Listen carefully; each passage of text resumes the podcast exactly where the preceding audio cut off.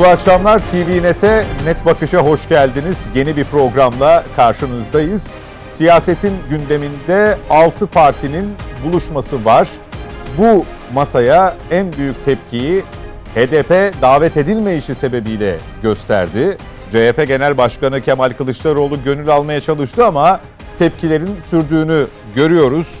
E, bu görüşmenin amacı, buluşmanın amacı, arka planı ve e, uzlaşma metnini oluşturmak için belirlenen tarihin detaylarını ve dikkat çekiciliğini konuşarak başlayacağız. Bu akşam Net Bakış'a her hafta olduğu gibi Nedim Şener ve Mete Yarar daimi konuğumuz programımızda. Hoş geldiniz Mete Bey, Nedim Bey. Konuklarımızsa eski devlet bakanlarından Sayın Masum Türker. Hocam hoş geldiniz. Hoş bulduk. Ve araştırmacı Sayın İhsan Aktaş. Hoş geldiniz. Tamam efendim. İhsan Bey. Sizinle başlayayım. Ee, Genel Başkanı aynı zamanda Sayın Aktaş. Şimdi e, çokça konuşuluyor dünden bu yana yansımaları. E, bugün basına da basında da yer aldı. E, bir kere bu buluşmanın e, arka planını değerlendirerek başlayalım ama HDP'nin tepkisi gecikmeden HDP'nin tepkisi hemen akabinde Sayın Kılıçdaroğlu'nun yok sayılmıyorsunuz buradasınız hani zamanı gelince sizinle de bir araya geleceğiz şeklindeki cevabı yanıtı. Ee, en çok konuşulanlar arasında bu buluşmanın en çok konuşulanları arasında başı çekiyor. HDP ile ilgili HDP'nin bu masada olmayışı ile ilgili bir plandan söz edebilir miyiz? Bir bilinçten söz edebilir miyiz? Ee, yoksa tamamen bir dışlanma mı söz konusu size göre? Valla siyasetin toplamında bilinç var mı? Belki oradan başlamak lazım tartışmaya. Şimdi o da tartışılır. Baktığınız zaman yani işte 2023'te bir yarış var ve bu yarışta Cumhur İttifakı çerçevesini belirledi. Yani üç parti bir arada işte AK Parti'nin önderliğinde Milliyetçi Hareket Partisi ve İyi Parti. Diğer taraftan e, rekabete baktığınız zaman işte tek başına Cumhuriyet Halk Partisi'nin oyu yetmiyor. E, bununla beraber işte İyi Parti ile bir araya gelince de yine oyları yetmiyor. E, diğer partilerin de yani toplamları çok bir yekün etmiyor. Burada baktığınız zaman aslında bu toplanan rakamlar altı partinin toplama HDP eğer listede yoksa çarpanı sıfırla eşitlenmiş oluyor. Birinci mesele bu. Yani HDP'nin ne yapıp yapıp ya da e, şey Millet İttifakı ne yapıyor? HDP'yi yanına almak zorunda. Başka çıkar yolu yoktur. Diğer taraftan bu mesela altı partiyi bir araya gördüğümüz zaman e, bu memleketin tarihinde Menderes gibi yani o Cumhuriyet Halk Partisi'nin o Jacoben kültürüne karşı çıkmış ve bu memlekete memleketin çok partili hayata geçmesi için özgürlük ve demokrasi mücadelesi vermiş ve ve hayatını yani bedel ödemiş bu konuda bir e, Menderes var. Devamında bir Özal var. Ve yine ta o İttihat İslam düşüncesinden kalkıp bugüne kadar ve Büyük Türkiye ve bu memleketin potansiyeli büyük, kapasitesi büyük. Yani bu memleket böyle hani şeylere e, Avrupalılar karşısında küçük düşecek bir memleket değil iddiasıyla hem sanayi hamlesiyle hem de vizyonla Yine ortaya koy, ortaya bir imaj koymuş Necmettin Erbakan var. Baktığınız zaman aslında tek parti ideolojisi bu bütün sağ partileri çatısı altına aldı. Yani şeyi çok fazla hani Gelecek Partisi ile DEVA'yı hani bir misyon olarak çok fazla zikretmiyorum. Yani iddiası olan bütün o demokrasi yanlısı yani eskiden Türkiye'de işte demokrasiyi daha çok çevreden gelenler sağ temsil ederdi. Cumhuriyet Halk Partisi de o altı okudan bahseder. İşte daha çok devletçilik, daha çok baskı, daha çok işte memleketi tek partiyle üstte tutma gibi yaklaşımı vardı. Görünen o ki aslında tek parti beş partiyi çatısı altına almış gözüküyor. Bu aslında bir tarihi kırılmadır bir yönüyle. Bir taraftan böyle bakabiliriz. Diğer taraftan da bugün hani fotoğraf vermenin keyifli tarafları var. Yani altı parti bir araya gelmiş iktidara karşı mücadele ediyor. Fakat geriye dönük şu 2-3 yıla bakacak olursak aslında partiler dikkat ederseniz politika üretmediler. Bunun iki sebebi olabilir. Bir derler ki bizim en büyük politikamız, en büyük kavgamız, amacımız Recep Tayyip Erdoğan'ı yenmek.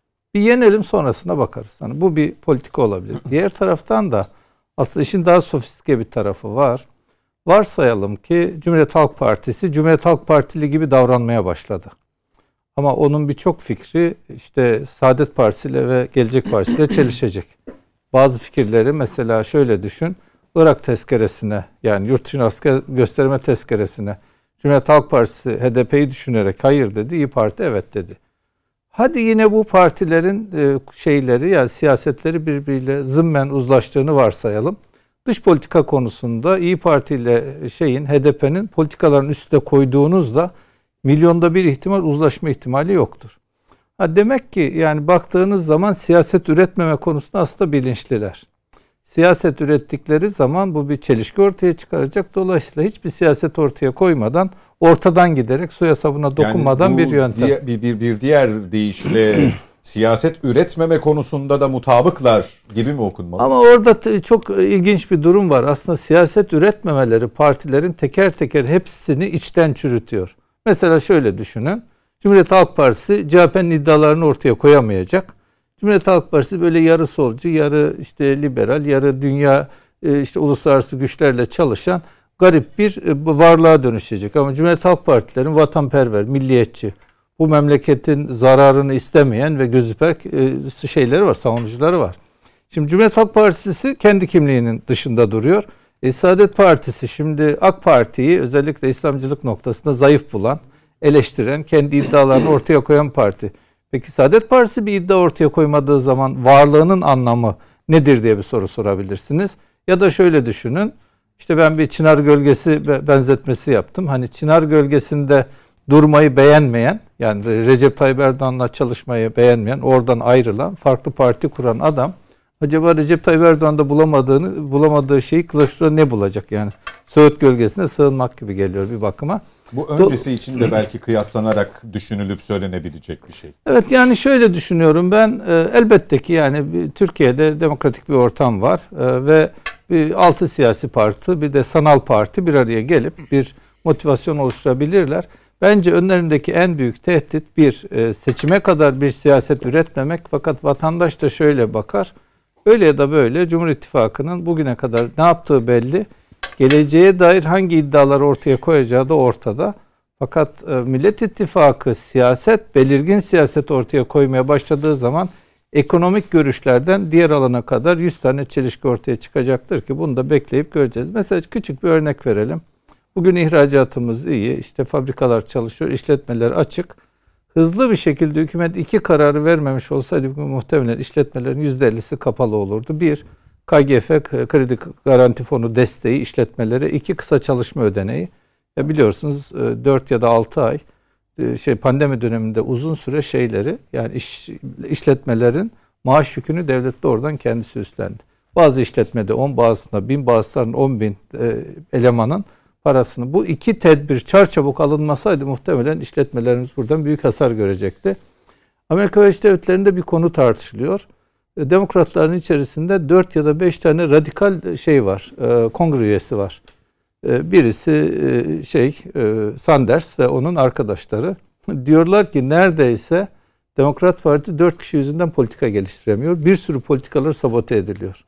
Dolayısıyla şimdi dört kişinin koskoca Birleşik Devletleri'ni sabote ettiğini düşünürsek bizim bu 7 art, 6 artı 1 bir de tabii şey var. O birin içerisinde de Türkiye Komünist Partisi gibi işte bir sürü partiler de olmuş olacak ki 6 artı 6 diyelim artı 6 7 10 gibi senaryodan memlekete ne çıkacak? E, herhalde muğlaklık çıkar diye düşünüyorum. Nedim Bey bunu e, öngöremediler mi sizce? Yani kamuoyu önünde yapıldığı daha önce bir araya gelişler 3-5 gün geçtikten sonra duyurulurdu. Hani çok gizli değildi belki ama neticede bunu biraz daha duyurarak gerçekleştirdiler. Bu anlamda bir toplantıyı bir ilki teşkil ediyor. Ee, HDP'den gelecek bu tepkiyi öngöremediler mi? Yani Sayın Kılıçdaroğlu'nun açıklamasına bakacak olursak işte yok saymış değiliz gibi daha böyle hani ne diyelim e, HDP'yi tatmin etmeyen ki etmediği de anlaşıldı. Cılız bir açıklama. Sanki bu tepkiye hazır değillermiş gibi de bir durum ortaya çıkıyor. E, şayet e, dümdüz değerlendirecek olursak yok danışıklı dövüşse bu başka bir yerden yorumlamak icap edecek herhalde. Şimdi e, kimsenin e, herhangi bir şey bilmemesi mümkün değil. Yani buradaki e, altı partinin ve HDP'nin herkes her şey herkesin göz önünde gerçekleşiyor. Şimdi mesela e, bu anayasa değişiklik metniyle ilgili hazırlık toplantılarının hiçbirisine davet edilmedi ki HDP son toplantıya çağrılsın. Dolayısıyla Pervin Buldan'ın veya HDP'lerin gösterdiği tepki tamamen sahte bir tepki. Diğerlerinin diğerlerinin yaptığı siyasi hile HDP'nin üçüncü yol diye çizdiği de siyasi hülle. Hülle ittifakı kuruyor. Ben güya Millet İttifakı ile beraber değilim imajı vermeye çalışıyor.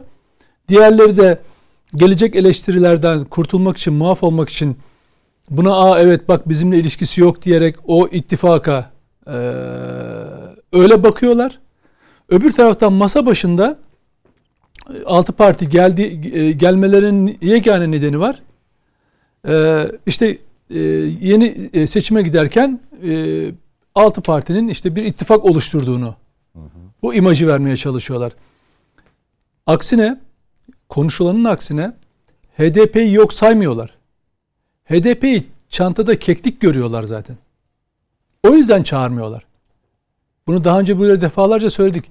HDP'yi, HDP yönetimini ne kadar aşağılarsanız aşağılasınlar. Ne derlerse desinler. HDP'liler bu ittifakı destekleyecekler. Ortak aday yani aday çıkaracaklar ve o ittifakı destekler. Başka çaresi yok. Çünkü niye? Geçen hafta da söylemiştim ya da bir önceki hafta zannederim. Bir önceki HDP'nin kendi bir iradesi yoktur. Kandil'deki teröristler ne derse neyi yapın derlerse ona göre.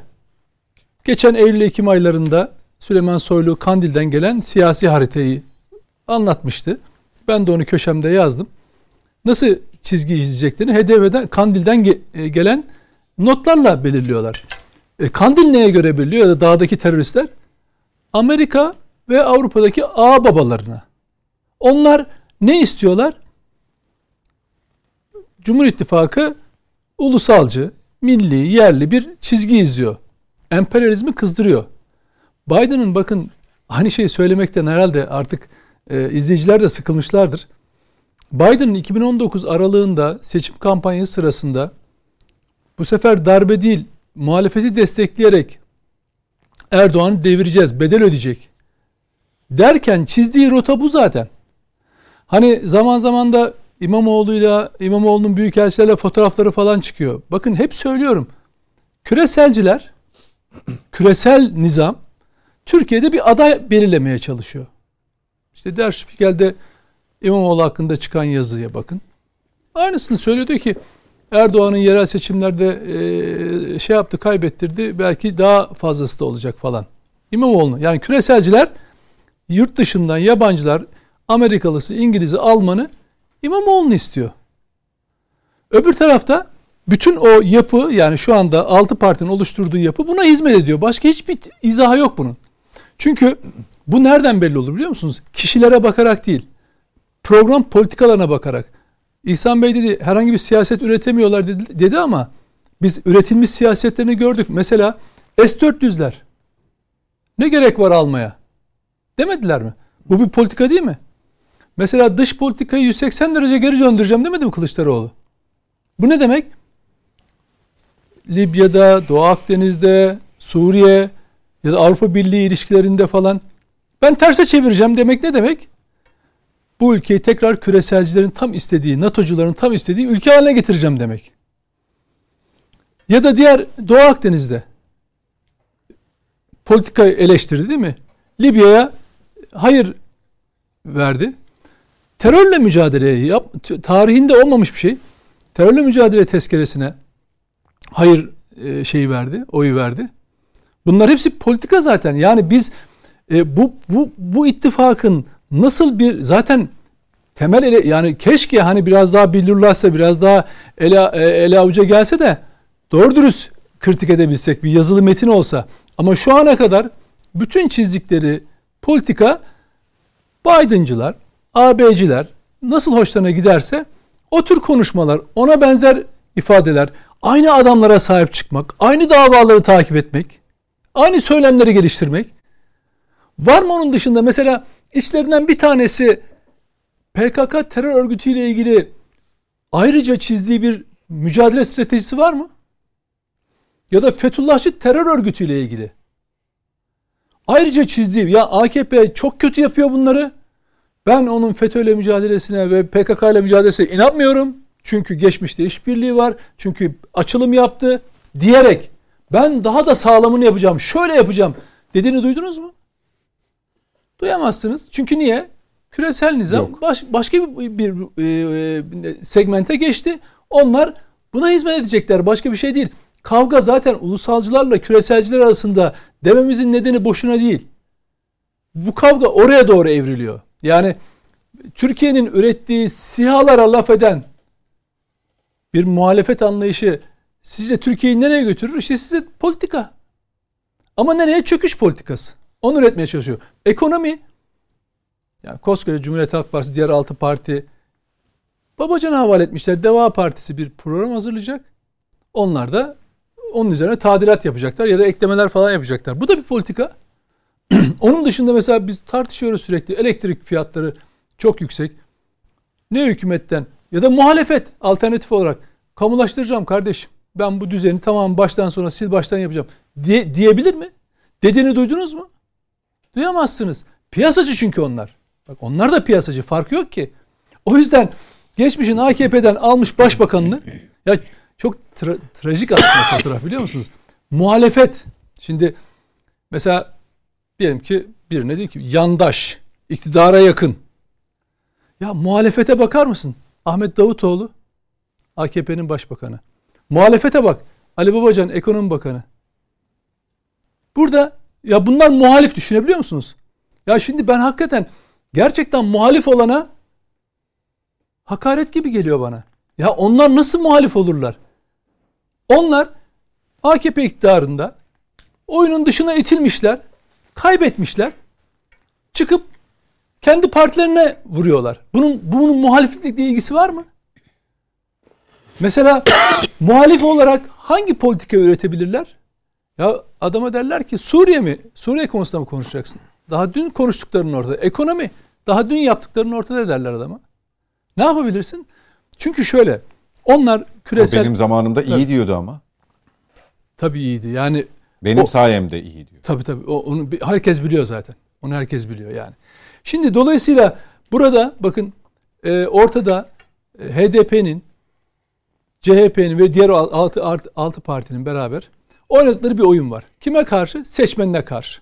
Seçmen seçmeni öfkelendirmemek, seçmeni tartışmalarda kızdırmamak için CHP ve diğer partiler bak HDP'yi biz çağırmadık. Yani bizim pek peki ilginç olan şu değil mi? Her iki büyük partinin de liderleri HDP meşrudur. Hukukidir. Muhataptır demediler mi? Tamam. Peki niye çağırmıyorsunuz? Onun dışında toplantınızın amacı hani Kürt sorunu, ekonomi, dış politika, terör falan değil ki. Güçlendirilmiş parlamenter sistem. Orada diyorsunuz daha demokratik falan bir, filan bir ülke diyorsunuz. Güzel. HDP bunların e, e, bunlara karşı bir düşüncesi olan parti mi? Yani söylem bazında sizinle bu konuda en net anlaşabileceği konu bu. Hani birçok konuda yan yana gelmeyebilirsiniz ama bu parlamenter sistem konusunda mutlaka yan yana gel- gelirsiniz. Peki o masada niye çağırmıyorsunuz? Ama öbür taraftan biz bunun PKK ile ilişkisini anlattığımız zaman efendim PKK üzerinden HDP'yi kriminalleştiriyorlar, suçluyorlar falan filan. İşte siyasi parti kapatılır mı? Ya önce siz kapısına kilit vuruyorsunuz. Tüzel kişiliğine saygısızlığı siz yapıyorsunuz. Çağırsanıza muhatap dediğiniz demokrasi konusunda bir paket hazırlıyorsunuz. Niye çağırmıyorsunuz? Demokrat Parti'nin, e, Gelecek Partisi'nin, e, Deva Partisi'nin oylarını toplasanız yani dörtte biri etmiyor şeyin HDP'nin. Niye çağırmıyorsunuz? Çünkü iki yüzlüler bakın. 50 artı 1'e ulaşmak için HDP'nin HDP seçmeninin oyuna ihtiyacı var. HDP seçmeni de Peki. HDP yönetimi üzerinden e, mobilize edilecek. Dolayısıyla bütün proje bunun üzerine. Dolayısıyla şunu tekrar söyleyeyim. Kimse kimseyi aldatmasın. Şey e, altı partinin e, tabanı e, oyalansın diye böyle bir şey yapmışlar. Aa bakın görüntü vermedik. HDP de kendi tabanını oyalıyor. Biz de işte olmazsa biz kendi bizi yok sayamazlar falan. Kimsenin yok saydığı falan yok. Tekrar söylüyorum. HDP'yi bal gibi varsayıyorlar. Bal gibi de terörle ilişkisini de biliyorlar ama görüntü vermek istemiyorlar ve e, sadece oylarını çantada keklik gördükleri için o toplantıya çağırma ihtiyacı dahi hissetmiyorlar. Çünkü nasıl olsa e, herkesten garantili bir şekilde HDP seçmeni gidip Millet İttifakı'nın adayına oy verecek. Peki Masum Hocam e, şimdi Nedim Şener konuşurken de bir yandan partilerden o masada e, bulunan partilerden gelen açıklamalara baktım. E, Gelecek Partisi HDP üzerinden yapılmak istenen spekülasyonları aldırmayız diyor mesela. Bu bir razı oluş olarak da okunabilir. Diğer yandan HDP'nin çıkışı e, biraz kafaları karıştırıyor gibi durmakla beraber galiba tabana, seçmene net bir mesaj ya da ne diyelim onları e, bu anlamda bir yerde tutma çabası mı acaba size göre? Şimdi bir kere olayı farklı ben değerlendiriyorum. Yani siyasetçi gözüyle bakılırsa ben şimdi siyaset yapsaydım nasıl görürdüm? Bir kere siyaseten HDP'siz bir toplantı yapılması doğrudur. Amacına ulaşmıştır. Çünkü dünden beri e, hem AKP adına katılan sözcüler hem başkaları aslında bu işin içinde HDP vardır. Zaten HDP olmazsa başaramazlar konuşmalarını yaptılar. Hı hı. Biraz evvel Nedim Bey kendi görüşlerini tekrarladı ki her zaman tekrarladığı görüşlerdir. HDP'yi terör örgütü olarak nitelendiriyor. Şunu bunu söylüyor. Bu neye yaradı? Bu birlikteliği yetersiz bulanların HDP'nin gelmesine ihtiyaç var duygusunu yarattı. HDP'nin ne dediği önemli değil oradaki çıkışları.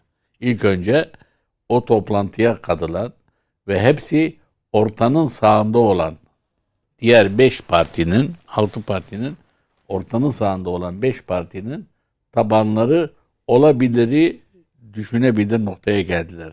Bir nezaket. Şimdi siz biraz evvel Sayın Davutoğlu'nun söylediğini söylüyorsunuz. Zaten Deva Partisi için HDP'yi reddetmediler bugüne kadar. E, sabahleyin ben e, ki çok mantıklı ve güzel konuştu. Herkes konuşmuyor diye eleştiriyor ama Gültekin Uysal aslında e, çok güzel yorumlar yaptı bir televizyonda. E, ve e, o da böyle bir şeyin hayır denmeyeceği noktasında o imajı verdi. Bu ne demektir? Bugüne kadar HDP bir terör örgütüyle eşdeğerdir. Almayın aranızda propaganda yapanlar amaçlara ulaşmadı demektir. İster siyaseten Nasıl bir daha söyler misiniz hocam orayı? HDP terör örgütüdür. Yanına alan kaybeder. Propagandası ters tepti. Hmm. Ters tepti. Yani bu bir stratejidir ve bu stratejiyi öyle görmek lazım. Yani Şu bu sa- bugün Cumhuriyet Gazetesi'nin e, manşetinde kullandığı ifadeyle maya tuttu demek midir size göre? maya tutmadı. Birinci Tutacak. maya tuttu. Birinci maya. Kaç maya Aslında daha var? İki tane daha maya var. Esas ikinci mayayı yapmazsa bu boş çıkar. Hatta bu başka şeye dönüşür. CHP'nin şekil değiştirileceğine, 70 öncesine dönüş yaptığına işaret edecek. Şimdi söyleyeceğim. İkincisi tutmazsa. İkincisi tutmazsa ve ikincisini gerçekleştirmezsen. Şimdi bu birinci mayada toplananlarla yetinilirse başarı olmaz. Niye başarı olmaz? Bir ülkenin bu kadar sorunu varken savaş üzerinde politika inşa edilmez. Yani hepimiz bir araya gelelim. İşte AK Parti'ye de değil. Cumhurbaşkanının kişiliğine karşı birlik olalım, imajı yaratmak. Çünkü hiçbirisi AK Parti'ye saldırmıyor. AK Parti'nin tabanından oy alabilmek için saldırmıyorlar. AK Parti ağzına bile almıyorlar.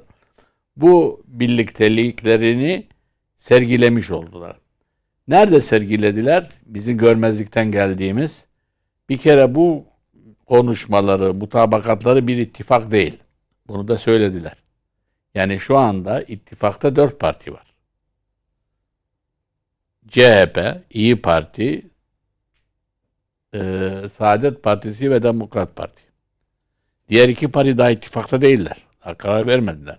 Ama bu birlikteliğe yani sistemi, düzeni farklılaştırma konusunda mutabakat sağlamışlar. Bu birinci etap. Ve bu etapta bir anayasa değişikliği taslağı, sistemin dönüşünü anlatan ya da anayasa değişikliği yapmadan bazı uygulamaları yenileştirmek, mesela birden fazla Cumhurbaşkanı yardımcısını seçmek ya da e, en fazla oy alanı Cumhurbaşkanı yardımcısı kabul edip ikinci düzeyde e, diğerlerinin bakanlıkları paylaşması gibi kurallar, ilkeler gayri resmi konuşulacak. Bunlar resmi bildirilerde filan yer almayacak. Yani biz koltuk için bir araya geldik imajı verilmeyecek bir kere her şeyden evvel. Mesela Engin Bey demiş ki Engin Özkoç bu ittifakın büyüyeceğine dair, gelişeceğine dair emareler büyük demiş. Tamam işte şimdi nasıl büyüyecek? Bu iki türlü büyür. Birincisi bu partiler kendileri güçlenirler. Nereden güçlenecekler? Yani Gelecek Partisi AK Parti'den oy alırsa güçlenir. Yoksa Gelecek Partisi Saadet Partisi'nden ya da CHP'nin oylarını alacaksa ittifak dedikleri bu birlikleri güçlenmiş sayılmaz. Deva Partisi İttifakta yine bile Deva Partisi eğer MHP'den ve e, AK Parti'den oy alırsa güçlenir. Yoksa güçlenmez. Ama ikinci manada söylemişse şimdi oraya geliyorum. Asıl ikinci mayayı uygulamadığı sürece CHP'nin Millet İttifakı olarak değişim sağlaması mümkün olmayacak. Bunu hep söylüyorum. Nedir o?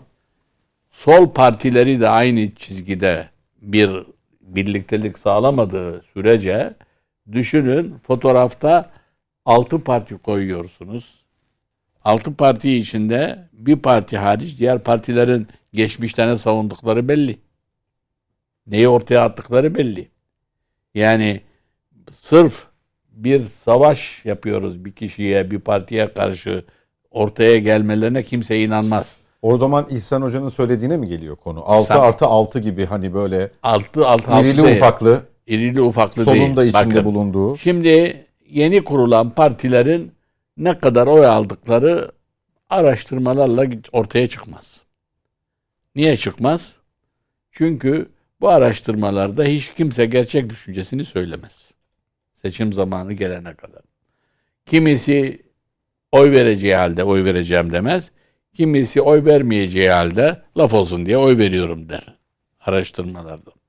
Asıl önemli olan son seçimlerde oy almışları yapıyor. Şimdi mesela CHP sola karşı samimi değil. Bir örnek anlatayım. Bir tane örnek. Şu anda DSP son seçimde yüzde bir buçuk aldı yerel yönetim seçimlerinde. Ama CHP eğer onun seçilmiş belediye başkanlarını transfer ederek o kadar oyu eksiltmek istiyorsa o oylar zaten DSP'ye verildi. Yani yalnız o belediye başkanının şahsına değil. Kuşkusuz belediye başkanlarının şahsının önemli bir etkisi var. E şimdi sen onun elindeki bir tane belediye var bugünlerde biliyorum. Almaya çalışıyor. Alırsan DSP'liler sana nasıl sıcak bakacak, nasıl inanacak, nasıl güvenecek? Çünkü sen solu eritip yalnız benim sol demek istiyorsan, benim yalnız bu değerleri savunan diyorsan, o zaman orada da yeni arayışlar başlar ve başka bir yol bulunur. Üçlü, üçüncü yol demiyorum. hocam. Üçüncü maya ise HDP ile yapacakları görüşmelerdir. HDP ile yapacakları görüşmeyi şimdi devreye sokmazlar. Ama yapacaklar. Yapmazlarsa zaten bu kadar oy alamazlar. Peki. HDP'nin M- bu- Ma- Masum Bey, HDP yani şöyle düşünün. Görüşmediler. Siz HDP'nin ve seçmeninin tutup aa biz Millet İttifakı'nı değil de bizimle görüşmüyorsa onlarla e, işbirliği yapmıyoruz. Onun adayını desteklemeyeceğiz. Biz Cumhur İttifakı'nın adayına oy vereceğiz diyeceğini düşünüyor musunuz? İkisine de oy vermezler. Bir kısmı. O zaman ayrı. Bakın ama bir kısmı verir. Kime Neden ama? verir? Kime Anlatayım verir? size. Neden verir? İşte CHP'nin burada Tutar. Bakın ne Solu- olursa olsun Millet İttifakı'na Değil, oy verir Bakın, veren de. bakın Cumhur herkesin İttifakı zaten kendi hesaplamasında yani şey yürüyüşünde siyasetle ilgili HDP seçmeni varmış gibi davranmıyor. Ona da ona yaslanırsa direkt kaybeder. Bugün HDP bakın HDP'ye siyaseten yaslanırsınız yani rakamsal olarak matematiksel olarak yaklaşırsınız ya, ya, ya, e, yakınlaşırsınız yaslanırsınız ama, Ama- siyaseten çöküşünüzdür o. Yok. yok. Bunu Cumhur İttifakı içinde söylüyorum, Millet İttifakı içinde Şimdi söylüyorum. bakın Cumhur İttifakı ciddi bir oy kaybı içinde gerçek seçmeni tarafından. Yani gerçek seçmeni ben konuşuyorum mesela ben AKP'ye veririm ama şu ana kadar diyor bana ihracat artı diyor. Benim eşime anlatamıyorum ki ihracat artışının eve yansımasını. Çanakkale Köprüsü'nü açacağım. Ben evime anlatamıyorum ki diyor. Şu Önce üçüncü kısmı bir tamamlayın sana- hocam. Üçüncü kısmı HDP ile ilgili. Bir kere şöyle söyleyeyim. HDP seçmenin bir bölümü oyunu CHP'nin olduğu yere verir. Neden? Her ne kadar şu anda sol azaldı deniyorsa da eskiden solun içinde önemli bir rakama ulaşan yani solun aldığı oylarının yüzde 14-15'ini Türkiye geneli değil. Yalnız sol partilerin yani CHP'nin aldığı oyların içinde yüzde 10-15 arası Kürt vatandaşlarımızın oyu vardı. Bunların da önemli bir kısmı şimdi HDP'ye oy verenlerdir. Bunlar eğer HDP bir cumhurbaşkanı adayı çıkarmazsa sonuçta oyunu oraya verirler. Ama kime verirler? Kendilerinin de onayladığı bir cumhurbaşkanı aday olması hesabıyla. Ama HDP'nin dünkü çıkışı başka bir uyarı getiriyor bizden görüşmeden bir iş yapıyorsun. Onun için 3. Maya'ya ihtiyaç var. Onun için Sayın Özkoç'un söylediği hani genişleyebilir ifadesi işte sola da açılırız, HDP'ye de açılırız.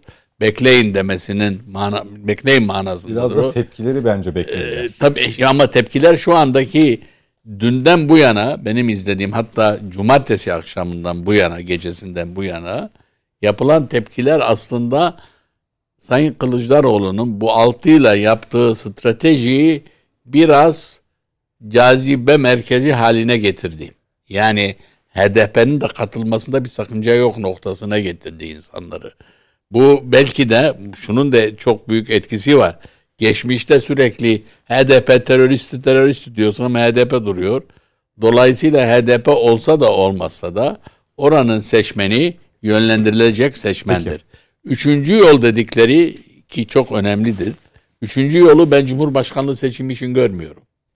Bunu da geçen gün Erkan Başbi, Türkiye İşçi Partisi'nin genel başkanı çok güzel anlattı bir televizyonda. Dedi ki bizim üçüncü yol dediğimiz milletvekili seçimiyle ilgilidir. O zaman bütün potreyi yalnız Cumhurbaşkanı seçimi üzerinde indirgememek lazım. Cumhurbaşkanı seçimi yanında milletvekili seçimiyle de ilgilidir. Ve burada mesela istenen şeyler parti meselelerine gelince Cumhurbaşkanına oy verebilir ama parti olarak işte buradaki o altılının fonksiyonu var. Oyunu Davutoğlu'na verir, oyunu Ali Babacan'a verir, oyunu İyi Parti'ye verir seçmen. Yani Cumhurbaşkanlığını ülen şey seçimini ayrı tutun. Şimdi bu neden önemli bir proje haline geldi? Özellikle İstanbul ve Ankara belediyelerinde meclisler çoğunlukta olunca ve belediye başkanı tek başına gelince nasıl çalışıldığını gördüler. Nasıl mesela şimdi iki belediye başkanı da sonuçta bazen AK Partili e, gruplarla bazı projelerde uzlaşmak Hocam zorunda dağılıyor kalıyor. konu toparlayalım. Tabii, yani ben 3. Maya'yı anlatıyorum. Anladım, anladım. 3. Maya'yı salt teröristtir, şudur budurla anlatmakla olmuyor bu. Bu seçime doğru yaklaştıkça zaten ne kadar fazla bu terörü gündeme getirirseniz Cumhur İttifakı'nın o kadar aleyhinde olur. Peki teşekkür ediyorum. Onu düşünmek lazım. Peki. Ee, Mete Erer 3. Maya dedi Masum Bey ama e, daha önce de konuşulduğu için HDP burada üçüncü bir ittifak olarak seçime girecek. Ee, belki hani daha mütedeyyin Kürt oylar e, hedeflenecek. Ee, buna bir set oluşturma amacıyla. Ama Cumhurbaşkanı adayı çıkarmayacak. Millet İttifakı'nın adayını destekleyecek. Dolayısıyla burada bu altının içinde resmi anlamda görünüp görünmemesinin bir anlamı var mı? Ee, biz Böyle bir plan söz konusu olursa. biz geçmişte de çok gördük. Yani e, iki parti birleştiğinde oy oranı ikisinin birleştiğindeki oy oranı olmadığını biz defalarca test ettik. Veya iki partinin birleştiğinde e, siyasi aritmetikte bir artı birin iki olmadığını gördük. Hatta aşağı doğru düştüğünü de gördük. Yani bırakın bir olmayı, yani iki olmayı, birin bile altına düştüğünü düştük. Hepsi kendisine oy kaybettiği zamanlar da oldu. Ya şöyle söyleyeyim. Yani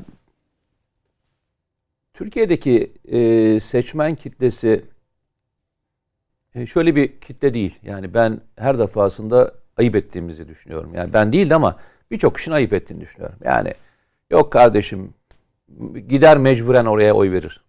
Yok gider oraya atar. Yok oradan emir alır onu yapar. Eli mahkum şu bu falan. Yok. Ya bugüne kadar ki e, seçimlerin kaderini belirleyen e, parti disiplini harek, içinde hareket etmeyen e, kesimdir. Partilerin e, asıl seçimi kazanıp kazanmamasını belirleyen o gruptur. Hani siz onu kararsız diye söylüyorsunuz ya aslında onlar kararsız falan değiller. Sempatizan. Efendim? Sempatizan olun. Sempatizan. Yok yok hayır hayır. hayır bir de kararsız değişir. Yok yok. Kararsızlar şöyle bir durumdalar. Onlar e, onların bir fikri var. O fikre en son ana kadar kimin layık olacağını bekliyorlar. Onların bir kararsızlığı falan yok. Onların ilkeleri Adı var. kararsız onların. Adı kara kararsız. İlkeleri var, duruşları var, hayata bakışları var. e, yıllarca biriktirmiş oldukları bir birikimleri var. Yani onlar şöyle mi? Ya herkesin bir partisi var, benim bir partim yok. Ha. Ben niye benim partim yok falan diye düşünmüyorlar çünkü onların bir duruşları var. O duruşları olan Öyle mi İhsan Hocam?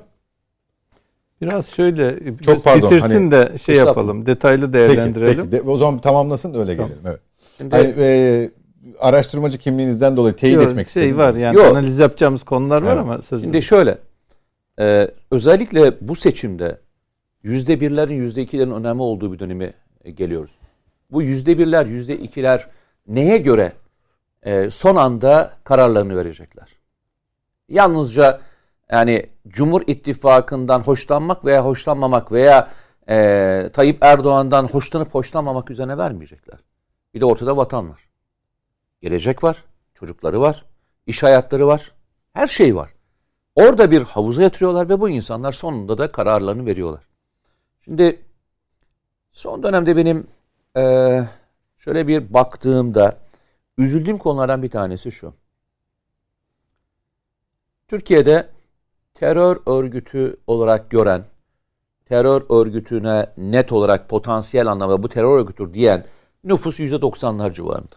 %90'lar diyor ki kardeşim PKK bir terör örgütüdür. Ve bu konuda en ufak bir şey yok. Yani e, duruşunda bir sıkıntısı yok. %90'ı diyor. Şimdi matematiksel olarak partiler iddialı konuşuyorlar. Ben bakıyorum, iddialarına bakıyorum. Örnek vereyim. Diyor ki şey, e, Kılıçdaroğlu 130'lara geldik diyor. Şimdi topluyorum, yüzdeleri topluyorum. 130'a geldik diyor. Güzel. E, arkasından e, şey diyor ki e, İyi Parti %15 ile %20 bandındayız şu anda diyor. Hadi ben %17,5 alıyorum. Yani ikisinin arasını alıyorum. %17,5 alıyorum. Demokrat Parti'yi hadi e, en son kaç bilmiyorum ama ben onu %1 kabul ediyorum. Yani %1 yani aşağı söylüyorsam düzeltin. Yok, siz iyi gidiyorsunuz. Ben de bir örnek vereceğim bir Yüzde bir e, kabul ediyorum. Hadi e, Davutoğlu diyor ki biz yüzde beşiz diyor. Öyle diyeyim. Hadi ben yüzde beşi veriyorum onlara. Deva diyor ki ben de yüzde beşim diyor. Şimdi ben topluyorum. 10, 11, bu alttaki grup. Ha bir de pardon Saadet Partisi'ni unuttum. Saadet Partisi'ne de yüzde üç veriyorum. Değil mi? En son aldığı yüzde ikiydi galiba. Yüzde bir Yüzde bir buçuk. Evet. Ben yüzde üç veriyorum. Bak biraz daha fazla veriyorum. 14 yaptı burası. Şurasıyla yap, topladım yüzde 44. Ee, 17 buçuk da burada. Ee, ne yaptı? 54, 61 buçuk yaptı. Ya üstadlar siz zaten 61 buçuğu buldunuz. Siz 61 buçuğu buldunuz zaten. Yani bırakın şeyi hani bırakın burayı. Bak buna daha şeyi katmadım. İşçi Partisi'ni katmadım. diğer e, hani TKP'yi falan kat. TKP'yi falan katmadım. Türkiye Komünist Partisi'ni falan katmadım. Bak bunları katmıyorum. Abi siz 61,5'u buldunuz. Niye HDP'yi ısrarla HDP istiyorsunuz? Siz zaten buysanız sizin çok rahat bir şekilde rahat rahat Elinizi kolunuzu elinizi sallaya kolunu sallaya. sallaya sallaya zaten Cumhurbaşkanlığı seçimini kazanmış olmanız lazım. Bak ben şeyi söylüyorum. Söylediklerin doğru olduğunu düşünüyorum. Yani yani kesinlikle aklıma gelmiyor. Onlar doğruyu söylüyorlar diyorum. E, topluyorum %61,5 yapıyor arkadaş. Niye o zaman peki bu kadar HDP'ye ısrar ediyorsunuz? Niye HDP yükünü bu kadar ısrarla üstünüze almaya çalışıyorsunuz? Bu yükü niye al- alarak e, %61,5'u riske atıyorsunuz? Yani İyi Parti'den oy vermeyecek olan var. Saadet Partisi'nden oy vermeyecek olan var. Deva'dan da vermeyecek olan vardır yani. Var oğlu vardır. Yani %10'u da vermeyecek diyelim. Ya arkadaş %10 oy gelecek diye %10'u niye riske atıyorsunuz? Siz zaten seçimi kazandınız %61,5'la. Rahat olsanıza. Ama hayat öyle değil işte. Hayatın gerçekliği söylemler üzerine değil. Hayatın realitesi üzerine geçerli. Hayatın realitesi ne biliyor musun? Hayatın realitesi insanların size sokakta veya başka e, yerlerde ne söylediğiyle ilgili. İkincisi de şöyle söylememden bir tanesi şu. HDP gibi bir örgütün örgüt dediğim şeyden bahsediyorum. Parti teşkilatından bahsediyorum. Siyasi anlamda bu kadar handikapları varken hala bu riski alıyorsanız iki türlü şeyiniz vardır demektir. Angajmanınız vardır. Ya seçimi kazanamayacağını düşünüyorsunuz ya da başka bir angajmanınız var. İkisi de bana adil gelmiyor. Çünkü siz talip olmak istiyorsanız, seçimi kazanmak istiyorsanız, Cumhurbaşkanı ittifakını e, yenmek istiyorsanız zaten bu ülkenin insanlarından özellikle AK Parti'den ve e, Milliyetçi Hareket Partisi'nden, Büyük Birlik Partisi'nden içinde değil ama sonuçta beraber ortak hareket ediyorlar. Bu üç partiden oy almanız gerekiyor. Öyle çok da büyük oy almanıza falan gerek yok. Yüzde beş civarında falan bir oy aldığınızda oradaki yüzde beş buraya yüzde beş geçtiğinde yüzde on yapıyor totalde. Yüzde onluk bir değişime yol açıyor. Söylemleriniz, bu ülkeyle ilgili, gelecekle ilgili, öngörülerle ilgili olsa da sıkıntı yok. Alırsınız rahatlıkla. Bir de üstüne üstlük diyorsunuz ki ya ekonomi sorunu var. Ekonomik sorun var diyorsunuz. Türkiye battı diyorsunuz. Türkiye dış politika yanlışı diyorsunuz. Türkiye'nin yaptığı hiçbir şey, düzgün bir şey yok diyorsunuz. Zaten böyle bir ortamda size bütün seçmenlerin koşar koşu oy vermesi gerekir değil mi? Ve bu oy verenlerde nereden gelmesi gerekir? İktidara oy verenlerden. Hatırlayın burada en güzel örneklerden bir tane Masum Bey var. Ne oldu? Kriz yaşandıktan sonra e, üçünün toplam oyunun ne kadar ettiğini kendisi daha iyi biliyor. Yani toplam ne kadar oy eridiğini biliyor. Şimdi o zaman bir farklılık yok mu? Bir hata yok mu? Bir değişiklik yok mu arkadaş? Realite demek ki söylediğiniz gibi değil. Bakın söylediğiniz gibi değil. Çünkü şöyle söyleyeyim.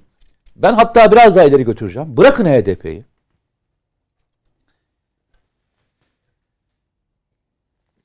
Bugün söylemlerinde yani CHP'nin, İyi Parti'nin ve Demokrat Parti'nin söylemlerinde daha önce iddia ettiklerinin her birini aşağı çekecek olan iki tane parti var. Bir tanesi Deva Partisi, bir tane Gelecek Partisi. Diyeceksiniz ki nasıl aşağı çekecekler? Arkadaş söylediğiniz dış politikayla ilgili suçladığınız en önemli kişi Davutoğlu'ydu. Hatta Ekonomik olarak- sonra toparlandı. Efendim? Dış politikamız Ahmet Bey gittikten sonra toparlandı. Türkiye'nin dış politikası. Yok yok hayır, ben ona Evet, girmeyeceğim. Hani şey olarak girmiyorum. Hani Ahmet Siyaseten, Davutoğlu yanlış evet, yaptı evet. falan girmiyorum. Ben hala bakın işin matematiksel ve söylemsel kısmındayım. Ben hiç şeyle bakmam. Yani bu olaya siyasi gözle bakmadan bir çerçevede bakmak istiyorum. Ve bu altının içinde diyorsun. Ve arkadaş Böyle olmasına rağmen. yani siz zaten ikinizin oyu eğer yüzde otuz da on yedi buçuk olsaydı yüzde kırk yedi buçuk yapardı.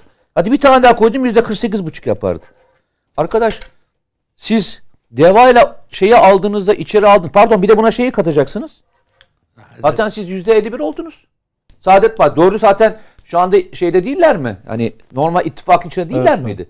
Zaten sizin oyunuz söyleminizdeki yüzde elli bir. Siz niye bu iki partiyi alarak bütün söylemlerinizi aşağı çekiyorsunuz? Bak aşağı doğru geliyorum. Bakın bırakın HDP'yi. Bu iki partinin olmadığı zaman bile seçimi kazanamayacağınızı düşünüyorsunuz. O o kadar rahat değil. O zaman yapılması gereken bir şey yok mu? Ben bir vatandaş olarak şunu görmek ist- istemekte yanılıyor muyum? Arkadaş bir siyaset siyaseti eleştirirsiniz. Ama siyaseti eleştirdiğinizde karşısına koyacağınız alternatif yok mudur? Yani ben sizi neden seçmeliyim sorusunun cevabını bilmek zorunda değil miyim seçmen olarak? Ben niye seçeyim? Sizin daha iyi yaptığınızı inandığım için sizi seçmeliyim. Yani AK Parti iktidarının bugün yaptığı bütün yanlışları sizin yapmayacağınızı iddia ediyorsunuz. Ne yapmayacaksınız? Yapmayacaklarınız ne? Bunu söyleyebiliyor musunuz? Bunu hala söyleyemiyorlar. Bakın hala konuştuğumuz konu içerisinde yüzde altı partinin bir araya geldiğinin çerçevesine bakın. Hiçbir şey yok ortada hala. Ve seçime ne kadar kaldı? Bir buçuk sene kaldı değil mi? Siz bu bir buçuk senenin son 6 ayını saymayın. Hadi seçim koşturmasıyla geçecek. Zaten sizin şu anda elinizde elinizde müthiş projelerinizin ve bu projenizi açıklayacağınız bütün hazırlıklarınızın bitmiş olması lazım. Bir de üstüne üstlük bugün yapılan yanlışlarda söylemeniz gerekiyor ki ben seçmen olarak diyeyim ki vay be bak bu gerçekten iş çözer. Şöyle mi zannediyorsunuz? Mesela bir şeyi tiyosunu verdiniz ve AK Parti bunu kullandı. Şöyle zannediyorsunuz düşünceniz anlatıyor. Ha, AK Parti e, kullandı. Aslında AK Parti yaptı demiyor. Seçmen çok akıllı. Sizin söylediğiniz şeyin eğer doğruluğu olduğunu inanıyorsa onu sizin artı hanenize yazıyor bu, bu seçmen. Hiç başka türlü bir şeyi yok. Asgari, hani asgari ücreti şeyin hanesine mi yaz diyorsun? CHP'nin mi? Bence CHP'nin de yazdı. Yani siz şöyle mi zannediyorsunuz? Yok arkadaş ya her şeyi söylesinler. Yok. Ya muhalefet dediğiniz hikayenin içerisinde iktidara geldiğinde yapacaklarını söylemek değildir. Aynı zamanda muhalefet ederken de doğruları söylemektir, düzeltmeyi sağlamaktır. Yani bizde şöyle bir anlayış var. Ben her şeyi bir kenara koyayım, bir paketleyeyim. Ee, bunları hiçbir şekilde de söylemeyeyim. Hiçbir konuya da açmayayım. Ne zaman yapayım? Ben iktidara geldiğim zaman yapayım. Yo, a- geçmişte açtıkları zamanlar da oldu. Yok yok hayır. Bu, bu muhalefet böyle değil ki. Muhalefet yanlışları söylerken yanlış yapıyorsunuz arkadaş. Yaptığınız ekonomik politikalarda işte örnek veriyorum. Masum Bey anlatıyor sıklıkla. İşte faizle ilgili şu kararlarınız yanlıştı. Arkadaş şunları yapın. Buradan çıkış çıkışımız burası. Doğrusu bu. Doğrusu bu. Doğrusu bu. Ben sağduyu bekliyorum ya. Çünkü memleketim de sağduyu. Ama nereye sıkışıyoruz biliyor musun? HDP'nin oyunu alalım mı almayalım. Alırsak kazanırız. Yo arkadaş %90'lık bir oy var orada ya. %90'lık bir oy potansiyeline göz kırpmayıp siyasetin içerisinde legal misiniz, meşru musunuz diye tartıştığımız bir parti üzerinden siyasetimizi oluşturmaya çalışıyoruz. Yazık bize ya. Bak yazık bize diyorum. Burada bir risk var belli ki. Ya risk. Bu- bak bu ben de riski onu atmaya soracağım çalışıyorum. İhsan Bey, Ben de evet. onu atmaya çalışıyorum. Matematiksel anlamda da, diğer anlamda da.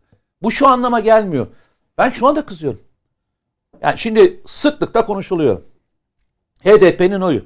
Ya arkadaşlar HDP'nin oyunda ne kadar ne kadarlı ne kadarı Güneydoğu'dan ayrılan oy, ne kadarı Batı'dan ayrılan oy, ne kadarı işte Kürt vatandaşlarımızın verdiği oy, ne kadarı başka e, etnisitelerden verilen insanlar oyu biliyoruz biz ya.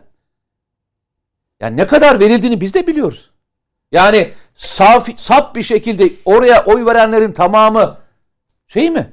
Kürt vatandaşlar mı oy veriyor HDP'ye? Yok. Başka e, durumlarla, başka e, oluşumlarla onlara oy veren insanlar da var. Büyük şehirlerde de üstelik. Ya biz de biliyorum ya, etrafında bu şekilde veren oy veren insanlar da var. Hiçbiri de Kürt falan değil.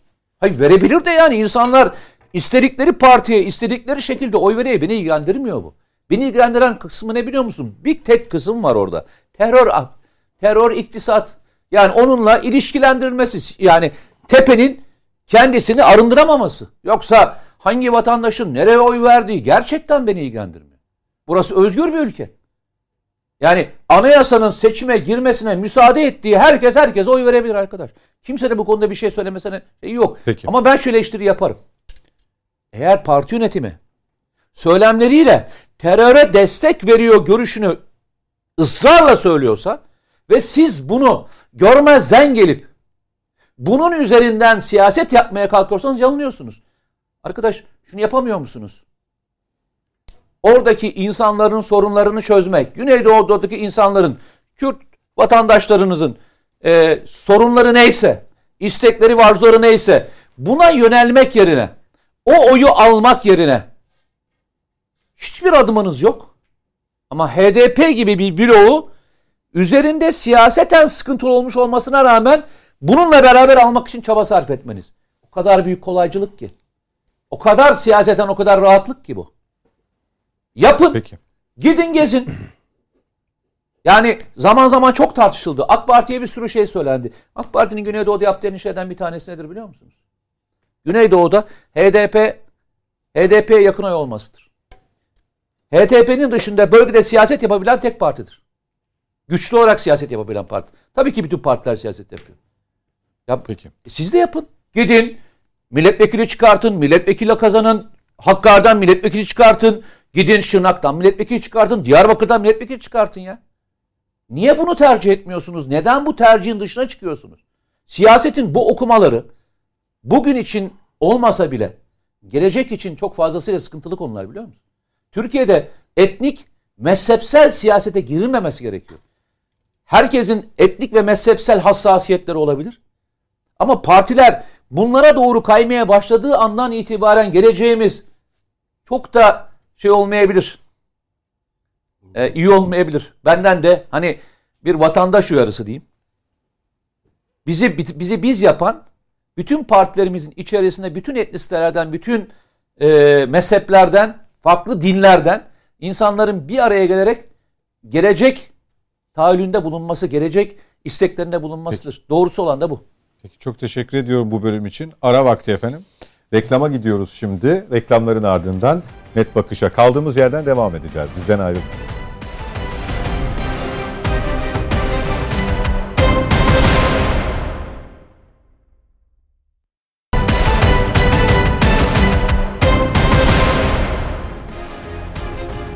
Yeniden birlikteyiz efendim. Net Bakış'a devam ediyoruz. İhsan Bey'e geçeceğim şimdi tekrar. Ee, bu turda da altılı görüşmeyi, yuvarlak masa toplantısını konuşmayı sürdüreceğiz. İhsan Bey, e, Mete Yarar'ın tespitleri önemli diye düşünüyorum. Özellikle o kararsızlar kısmının açılımını sizden isteyeceğim. Biz tabii duyarız hep seçim anketlerinde, kamuoyu araştırmalarında kararsızlar dağıtıldığında diye bir ifade vardır.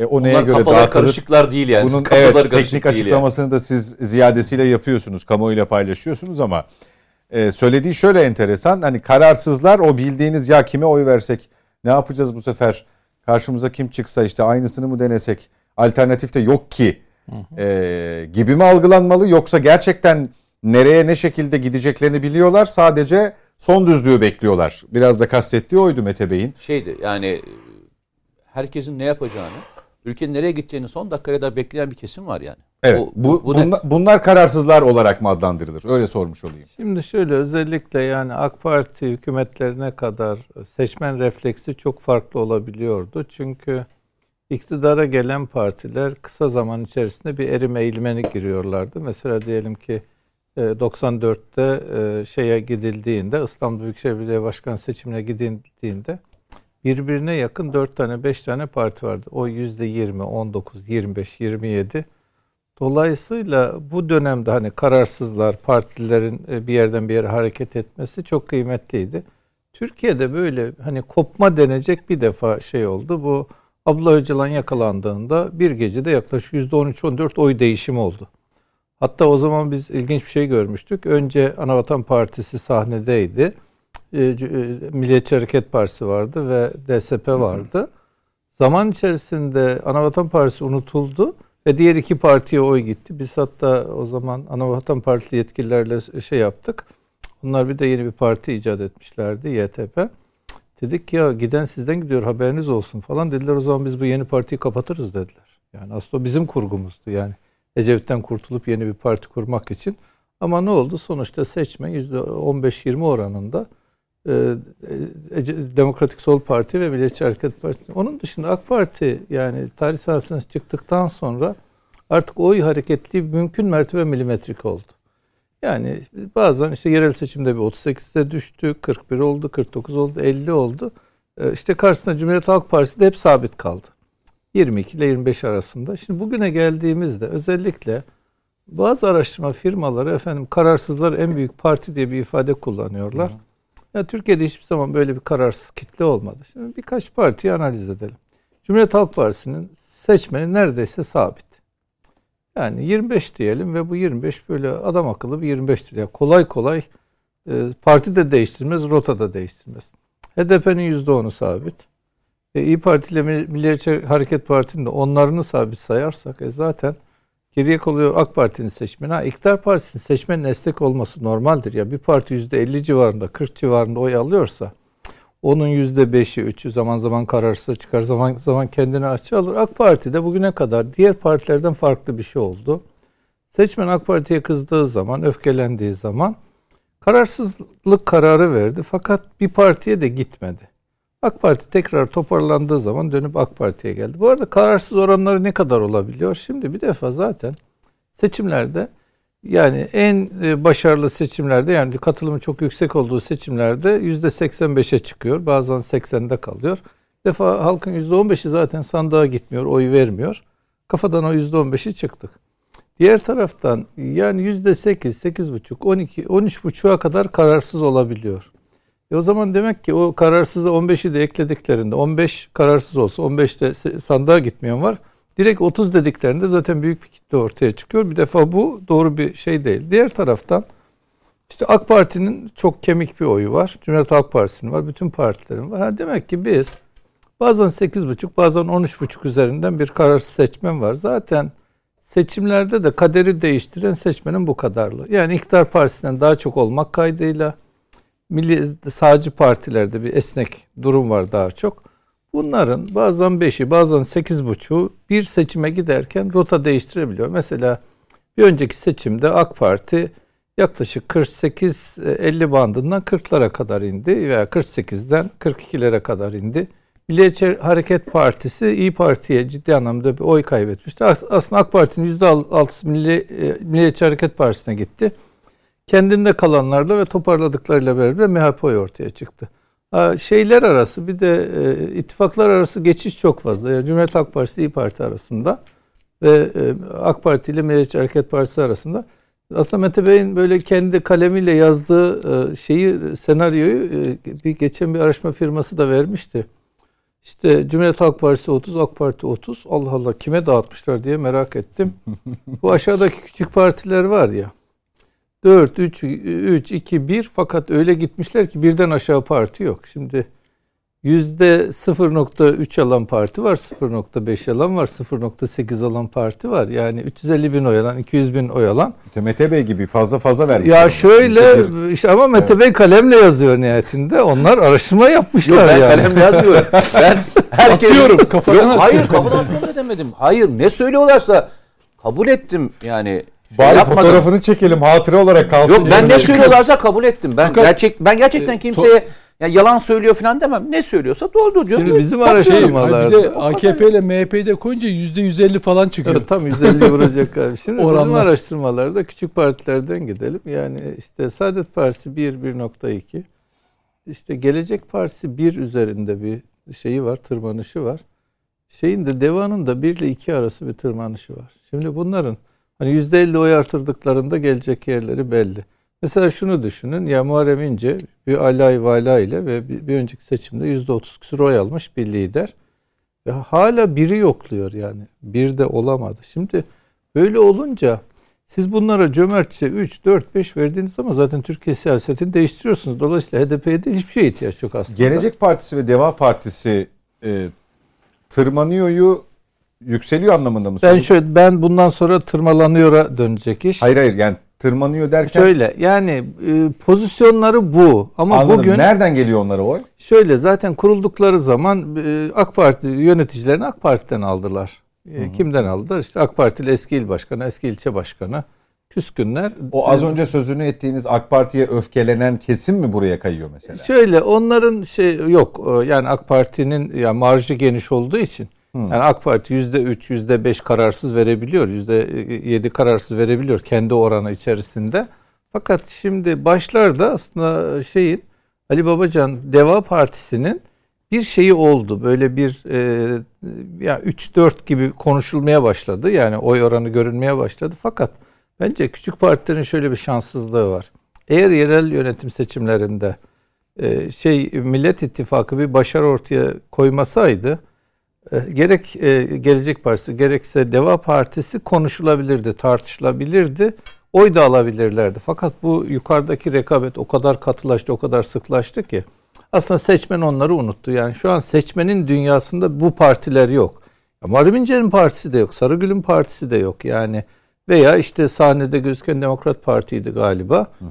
Yani şöyle yapabilirler. Keyifli bir şey. Yani sahnede yüzde 0.00 bir şeyle hani bir altıncı parti olarak gözükebilirler. Bu keyifli şey bir şey. konuşmuyoruz. Büyük Birlik Partisi'nin oyu ne şu an? Ya Büyük Birlik Partisi de bence bu takımdan bir parça gibi düşünün. Hani mesela şöyle düşünün. Diyelim Saadet Partisi'nin oyu 1.2 ise e, Büyük Birlik Partisi 1'e yakın olsun yani. Bu bu bu segmentte partiler. Ama şöyledir nihayetinde partiler kendi e, sahneye çıktığı zaman işte her biri kendi iddiasını ortaya koyacak. Dediğim gibi yani sonuçta da şeyleri oyları topladığımız zaman e, bir yüzde yüzü bulması lazım. Ya Cumhuriyet Halk Partisi yaklaşık 10 yıldır 22 ile 26 arasında bir yerde gidip geliyor. Nadiren 27 olmuş oluyor. Daha bugüne kadar biz Cumhuriyet Halk Partisi'nin fazlasını görmedik. Ama yaklaşık e, işte bir yıldır, iki yıldır yerel seçimlerden bugüne kadar hep böyle bir yüzde otuz şeyi var. Ee, ideal olabilir yüzde otuz Cumhuriyet Halk Partisi için. Hatta biz yerel seçimden hemen sonra bir araştırma yaptık. Yani partilerin oyları ne kadar diye. Çünkü yerel seçimde bir e, işte İstanbul, Ankara başarısı ortaya çıktı. Yine 26 idi biliyor musun Cumhuriyet Halk Partisi'nin oyları. Bugün de oralarda bir yerde. Ha bazen 24'e düştüğü de oluyor. 24-26 arası bir yerde Cumhuriyet Halk Partisi konumlanmış. İyi Parti'nin esnek bir oyu var.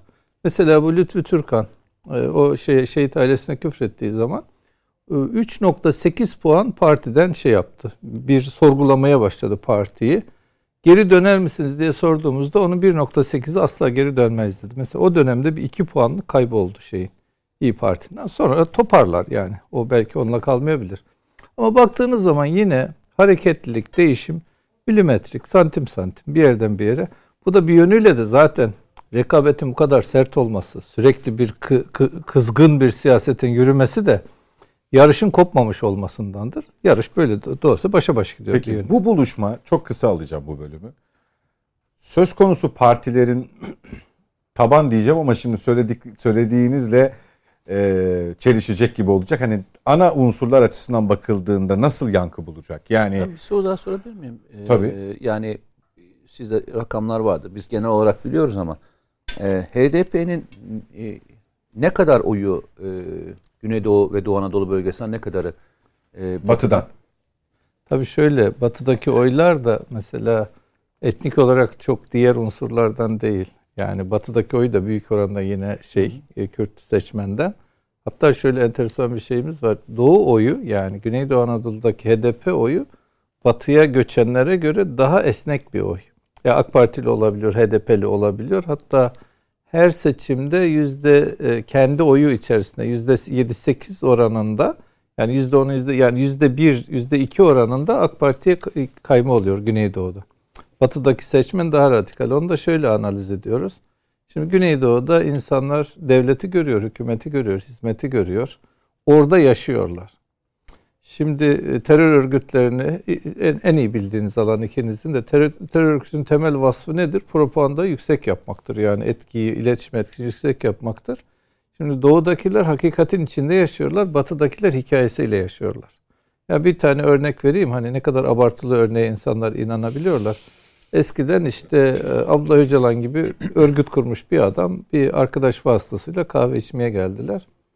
E, yurt dışı vatandaşı olmuş. İşte bir mezrada yaşıyor Güneydoğu'da. Charlie Hebdo saldırısı olduğu zaman yok Charlie Hebdo dedi şey Paris saldırısı. Mezrada demişler ki ya Tayyip Erdoğan helikopterlere bindirdi şeyi işidi götürdü Paris'in göbeğini indirdi. Onlar da bu katliamı yaptılar. Hadi diyor mezraya verdim. Hani mezrada olabilir. Sonra Diyarbakır'a indim. Aynı söylem Diyarbakır'da var. Sonra İzmir'e gittiğimde de aynı söylem İzmir'de de var. Da ben o iki seçim arası AK Parti politikalarını ben çalıştım. Yani çözüm süreci bittikten sonrayla yerel seçim arasındaki politikaları. O zaman gördüğümde bu tezviratlar o kadar yüksek düzeydeydi ki yani yalanın biri bin para ama vatandaş inanıyor. Orada şimdi hani Tanrı Türk'ü korusun diye bir ifade vardır ya. Valla Allah Kürdün aklını korusun. Bu kadar tezvirata, bu kadar yalana akıl dayanmaz. Ama yine de bölgedeki insanlara bir şey dendiği zaman onların gözüyle gördüğü hakikatler var. Mesela diyelim Diyarbakır'da şu an gidip biz sabaha kadar bir nargile salonunda nargile içebiliriz. Yani mezranın bir yerinde veya dağın bir yerinde bir çatışma olsa bile oradaki adamı ilgilendirmiyor. Oradakiler güvendeler yani. O vatandaş onu görüyor. Ya da işte kayyumların yaptığı hizmeti görüyor. Ee, Doğu, batıdaki adam da onun hikayesiyle yaşıyor. Dolayısıyla batı seçmeni daha radikal. Ama şöyle diyelim yani kendi içerisinde yüzde iki civarında sol şey var. Yani marjinal sol örgütlerden oy verenler var. Yani yüzde sekiz, yüzde iki gibi. O da aslında toplam seçmeni yüzde on altı, on yediye bakacak olursak aslında AK Parti ile bir yönüyle yarı yarıya bazen 60'a 40 bazen 50 40 arası paylaşıyorlar seçmeni. Ortadan Peki. hemen hemen bölünüyor. Söyleyeceğim bir şey var mı? Tabanla ha, tabanı mesela... şöyle analiz edelim. Şimdi farklı farklı e, bakabiliriz. Şimdi diyelim Gelecek Partisi biraz da AK Parti tabanından böyle e, geleneksel hassasiyet yüksek bir kitleden oy aldı. Yani daha İslamcı diyebiliriz. Hı hı. E, fakat şimdi masaya oturduklarında şimdi bir tarafta Recep Tayyip Erdoğan var. Yarın sandığa gidecekler. Öbür tarafta da Kılıçdaroğlu var. E, bir tarafta AK Parti'nin dünya görüşü var. Diğer taraftan da e, işte Cumhuriyet Halk Partisi'nin dünya görüşü var. Ya herhalde e, tabandakiler e, liderlik kadar kopmayacaklarına göre hani bazen olur ya liderlik öfkelenir, zıvanadan çıkar, kini vardır, kibri vardır falan ama Anadolu insanı daha sağduyuludur.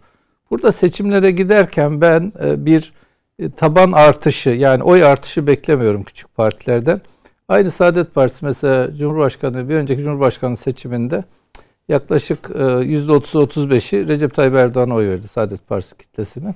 Benzer refleksi ben hem Deva'nın tabanından hem de e, Gelecek Partisi tabanından bekliyorum. Herkese Saadet Partisi'ne de aynı durum söz konusu. Çünkü uzun süre yani özellikle Oğuzhan Bey rahmetli olmadan önce şey tartışıldı. Yani Saadet Partisi pozisyonunu nerede alacak? Hmm. Bu tarafta mı alacak, diğer tarafta mı alacak? Tabii bizim de şöyle bir hakkımız var. Geleneğin içinden gelen birisi olarak.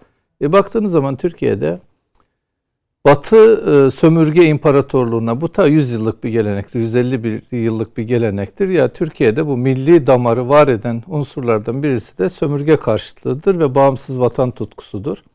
E, diğer taraftan da aslında bu milliyetçi olsun, muhafazakar olsun sağcı kesim o Cumhuriyet Halk Partisi'nin devletçi baskıcı tutumuna karşı da bir mücadele vermiştir. E, siz e, bu masaya oturduysanız bir yönüyle bu iddialarınızdan da vazgeçmiş oluyorsunuz. Peki. Hem sömürge karşıtlığından hem batı karşıtlığından, batı karşıtlığını bir sömürge Efendim, anlamında. Sömürge karşıtlığı ve bağımsızlık konusunda muhafazakar kesimden daha çok tanınıyor. Çünkü esas emperyalistlere karşı baş kaldırıyı yapan... Bu eski CHP'ydi. Eski Bu eski CHP'ydi. Şu CHP, an şöyle İngiltere ile mi oturalım, Amerika ile mi oturalım? Eski AKP şöyle, diyor muyuz? Şöyle, eski AKP başarılıydı. Şimdi eski AKP yeni AKP. Da yeni AKP daha milli AKP rahat. Eski, yeni AKP diyecek durumda değiliz. E, tabii işte onu yani. söylüyorum. Ama yani, CHP için yani, bunu söyleyebiliriz yok, pekala. Şöyle CHP yani, füzyona uğradı. Bakın burada. CHP füzyona uğradı ben tamamlayayım. Cumhuriyet Halk Partisi'nin şu an şöyle o geleneksel milliyetçi vatanperver insanları şu an baskı altındalar ve genel merkezlerinin nasıl bir genel merkez olduğunu tanımlamaya çalışıyorlar. Bir Cumhuriyet Halk Partisi'nin sözü belki de Kılıçdaroğlu görüp göremeyeceğiniz son CHP'lidir diye bir ifadesi var. Bu CHP'li yani parti mesuliyeliği yapmış, partide çalışmış, pozisyon almış bir arkadaşımın şeyi. Diyor ki belki de görüp göremeyeceğiniz son CHP'lidir diyor. Şimdi siyasette ve örgütlenmede daima şu vardır. Kendisi sonradan bir yere seçilmeyen muhalif olur. Bu sağda pek çıkmıyor çünkü sağ hemen onu başka şekilde destekliyor. Ama solda bu yaşanıyor solda bu yapıldığı zaman ne dedi biliyor musunuz herkes? Dedi ki işte ulufe dağıtılıyor. Hani şeylere e, kitlere şuraya buraya atanınca sol iktidarlarında. Ama bak şimdi AKP için kimse demiyor. AKP kendisinde görev alanları sonradan çok iyi değerlendirdiği için bu ses çıkmıyor. Zaten Deva ile Ge- Gelecek Partisi'ne güvendiği şey o ses çıkartmayan mekanizmanın ikinci halkasıdır. Yani eğer işi sömürgecilik, emperyalizm açısından alıyorsanız hiç kimse CHP'nin yani bütün partilerin doğduğu Hangi, hangi CHP'nin CHP? hangi CHP yok. Ben o soruyu Bakın, hayır, hayır, Yok, hayır. bundan kendim alamam. Ben arkadaşlar da soracak muhtemelen. Bakın o söyleyenler ben görüyorum. Düne kadar partide güçken sıkı CHP'li benimle kavga ediyorlardı. Şimdi beraber oturuyoruz. Aa, bunlar benden daha beter olmuşlar. Ben CHP'li değilim. Ama Yiğit'i öldür hakkını ver bu konuda. Tabii hangi CHP'nin bakın Hep hangi CHP, sorusunu soracağım. CHP hiçbir zaman özellikle 1992'den sonra kurulduktan sonra geçmişte bir ara Atatürk'ten kopma vardı. Hatta Ecevit'in hatırlayın bunlar gadrop Atatürkçülüğü yapıyorlar diye belli bir kesimi suçlayan ve bu konuda Atatürk'le ilgili bir kitap yazmak zorunda kaldı. O bir konferanstır. Siyasal Bilgiler Fakültesindeki. Ama şimdi yani bakın ben CHP'nin yaptıklarının bir kısmını beğenmiyorum. Bu şeyde bile doğru değil ama Yiğit'i öldür hakkını ver. Hiçbir zaman seçmenin gözünde CHP profesyonel siyasiler dışında normal halkın gözünde Atatürk'ten koptu diyemezsiniz. İstediğiniz Peki. kadar suçlayın. Hocam söz sizdeyken 28 Şubat tarihinin e, bu metin için e, uzlaşma metni için buluşma günü olarak belirlenmesi. Şimdi şöyle turdan sonra ben de bir cümle kurmak istiyorum. Yo yo Ama geleceğim size de onunla ilgili. Mesela İyi Parti'den gelen son bir açıklama Grup Başkanı, Meclis Grup Başkanı İsmail Tatlıoğlu demiş ki e, çok anlamlı bir gündür, çok iyi tevafuk olmuş. Bunu şuna dayandırıyor tabii. Bugünkü yönetim 28 Şubat'ı aşan bir vesayet anlayışıyla memleketi yönetiyor. Dolayısıyla bu tevafuku da oraya bağlamış. Siz ne Şimdi dersiniz? 28 Şubat tarihinin bence çıkış yeri belki de bu sonradan ilhak olan e, Davutoğlu'nun özellikle teklifi olmuş olabilir. E, bu konuda Saadet Partisi'nin böyle bir duruşla çok fazla ilgilendiğini sanmıyorum. Çünkü o tarihler açılırsa kendilerinin de tartışılacak şeyleri var. E, neden bu? Çünkü o tarihte e, Sayın Cumhurbaşkanı belediye başkanı iken yanındaki kurmaylardan birisidir e, Davutoğlu. Ve ben bu konuda e, Sayın Ecevit'in Akgün Oteli'nde yaptığı bir toplantıda neler konuşulduğu, kimlerin olduğunu biliyorum.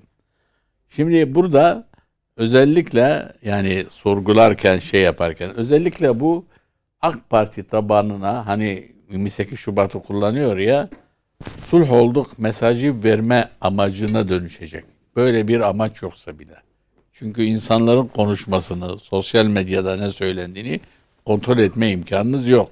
İleride bu ona e, evrilecek. Nasıl bir evrilme hocam? O Yani şöyle anlamadım. olacak. İşte bakın e, biraz evvel İhsan Bey dedi ya bazıların ağzıyla işte CHP artık eski CHP değil Atatürk'ü bıraktı şöyledir böyledir. Şahıslar üzerine inşa ediliyor. Şu kişi varsa CHP'de CHP böyle kaybetti filan. Öyle değil yani ben şu anda CHP'nin üst yönetiminde bulunanlardan bana hiç kimse Faik Öztrak'ın Atatürkçü olmadığını söyleyemez. Hiç kimse bana e, Akif Hamza Ceppi'nin Atatürkçü olmadığını söyleyemez. Yakından tanıyorum, düşüncelerini biliyorum. Ya da Bülent Kuşoğlu'nun hani bunlar benim yakın birebir tan ya da Seyit Bey'in e, yerel 28 yönetimlerden. Şubat nasıl algılanacak orayı Onu değiştirecekler. Yani tartışmalarla 28 Şubat'la da helallaştığa dönüşecek iş. Yani bunu e, Deva helalleşmeye Gelecek Partisi ama onlar değil. Bu iki parti AK Parti tabanından oy alabilmek ya da AK Parti'nin kullanabileceği argümanları yok etmek için. Şimdi bu konuda bence yanlış yapılmıştır. Aslında çok merak ediyorsa ayın sonu değil ayın başı önemli değil. 1 Mart derdim. Yani 1 Mart en azından e, yenilenme dedir. Tanzimatın ilk kanunları yayınladığı tarihtir 1 Mart. E, böyle derdim ama burada o bir de bir Mart tezkeresi var değil mi? Tabii yani bir 1 Mart tezkeresi var. Nevruz'a gidersiniz. Tabii tabii yani Baharın yani birçok birçok açıdan şeydir. 28 Şubat'a niye bırakıldı? Belki ben şuna bağlıyorum. Bir tek işte biraz evvel onun için iki tane daha var dedim. Bir, bu süreç içinde sol partileri toplar sizlerle de işbirliği yapmak istiyorum deyip bu konuda solu ben tek başıma değil sizlerle birlikte temsil ediyorum imajı verirse CHP o zaman bu 28 Şubat'a kalmış olmasını rahatlıkla bu sürece ihtiyacımız vardı. HDP ile görüşme sürecine ihtiyacımız vardı. Üçüncü ayağı da görüşmesi gerekir. Yoksa o verilen resimle aslında stratejide AK Parti'ye mesaj verildi ama ikinci bir eksik var. Mesela e, şunu unutmayalım. Herkes istediği kadar Cumhur İttifakı'na saldırsın. Cumhur İttifakı da ben kendimi revize ettim. O da sol partilere açılabilir. Yani bu olmayacak bir şey değil. O zaman ne yapacaklar? Yani sen solu orada ihmal edip burada sırf sağda AK Parti'den koparma Oraya mesaj verip oradan oy alacağım diye uğraşırsan. kendin kaybedersin. Evet. Neden? Bakın. Ee, çünkü şöyle söyleyeyim. Bazı partiler var. Bunlar sol partiler ve Atatürkçü partiler. Sen bunları yarın öbür gün yanına aldığın zaman bunların da konuşacağı İhsan Bey biraz evvel anlatırken çok önemli bir şey ne dikkat çekti. Dedi ki gittiğimiz her yerde HDP ile ilgili aynı söylemi duyuyoruz değil mi? Batı'da da, İzmir'de de, şeyde de. Bu işte bizi hep e, değerlendirme yaparken birinci benim üç klasmana ayırırım. Birincisi militan olan siyasetçiler. Bunları militan siyasetçi sayısı arttıkça parti över. Hani örgüt, il, ilçe başkanları vesaire. İkincisi ise yani militan değil taraftardır. Takım tutar gibi. Ben mesela eskiden felaket Galatasaray'ı tartışırdım. Sonradan sıradan taraftara dönüştüm. Eskisi gibi eskiden böyledir filan yaşlandıkça tecrübelendikçe yapılmaması gerektiğini Ta- ama taraftar. Takım da kötüye gitmeye ama gitse diyorsun. bile taraftarız. Üçüncüsü tartışılan, bir kısmı kararsız olan, bir kısmı sandığa gitmeyen, bir kısmı partiler arası geçiş olan kesim ise sempatizanlardır. Yani sempati duyuyor, bu benim sorunumu çözer diyor. Sempati böyle sırf fiziki durumunu görüp de gitmiyor.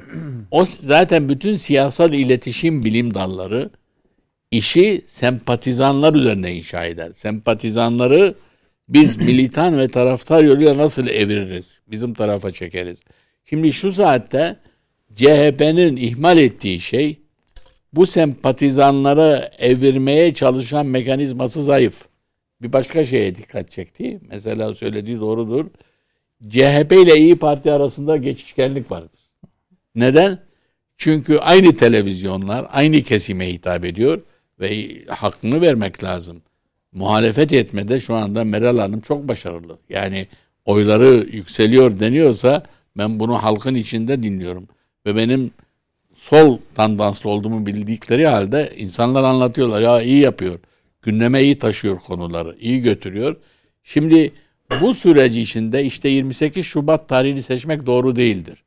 28 Şubat tarihini seçmek cepheleşme ve kutuplaşma üzerine inşa edilip bu kutuplaşma da biz taraf değildik deme amacı güdülüyor. Peki. Bu da doğru değil. Yani bence yanlış bir şeydir diye Tarih. Bu doğaçlama evet. gelişmiş bir şey olabilir mi Nedim Şener yoksa ya bana öyle geliyor. Çünkü 28 Şubat'ta MGK kararlarını uygulayacağım diye e, o dönem konuşan İçişleri Bakanı Meral Akşener'di.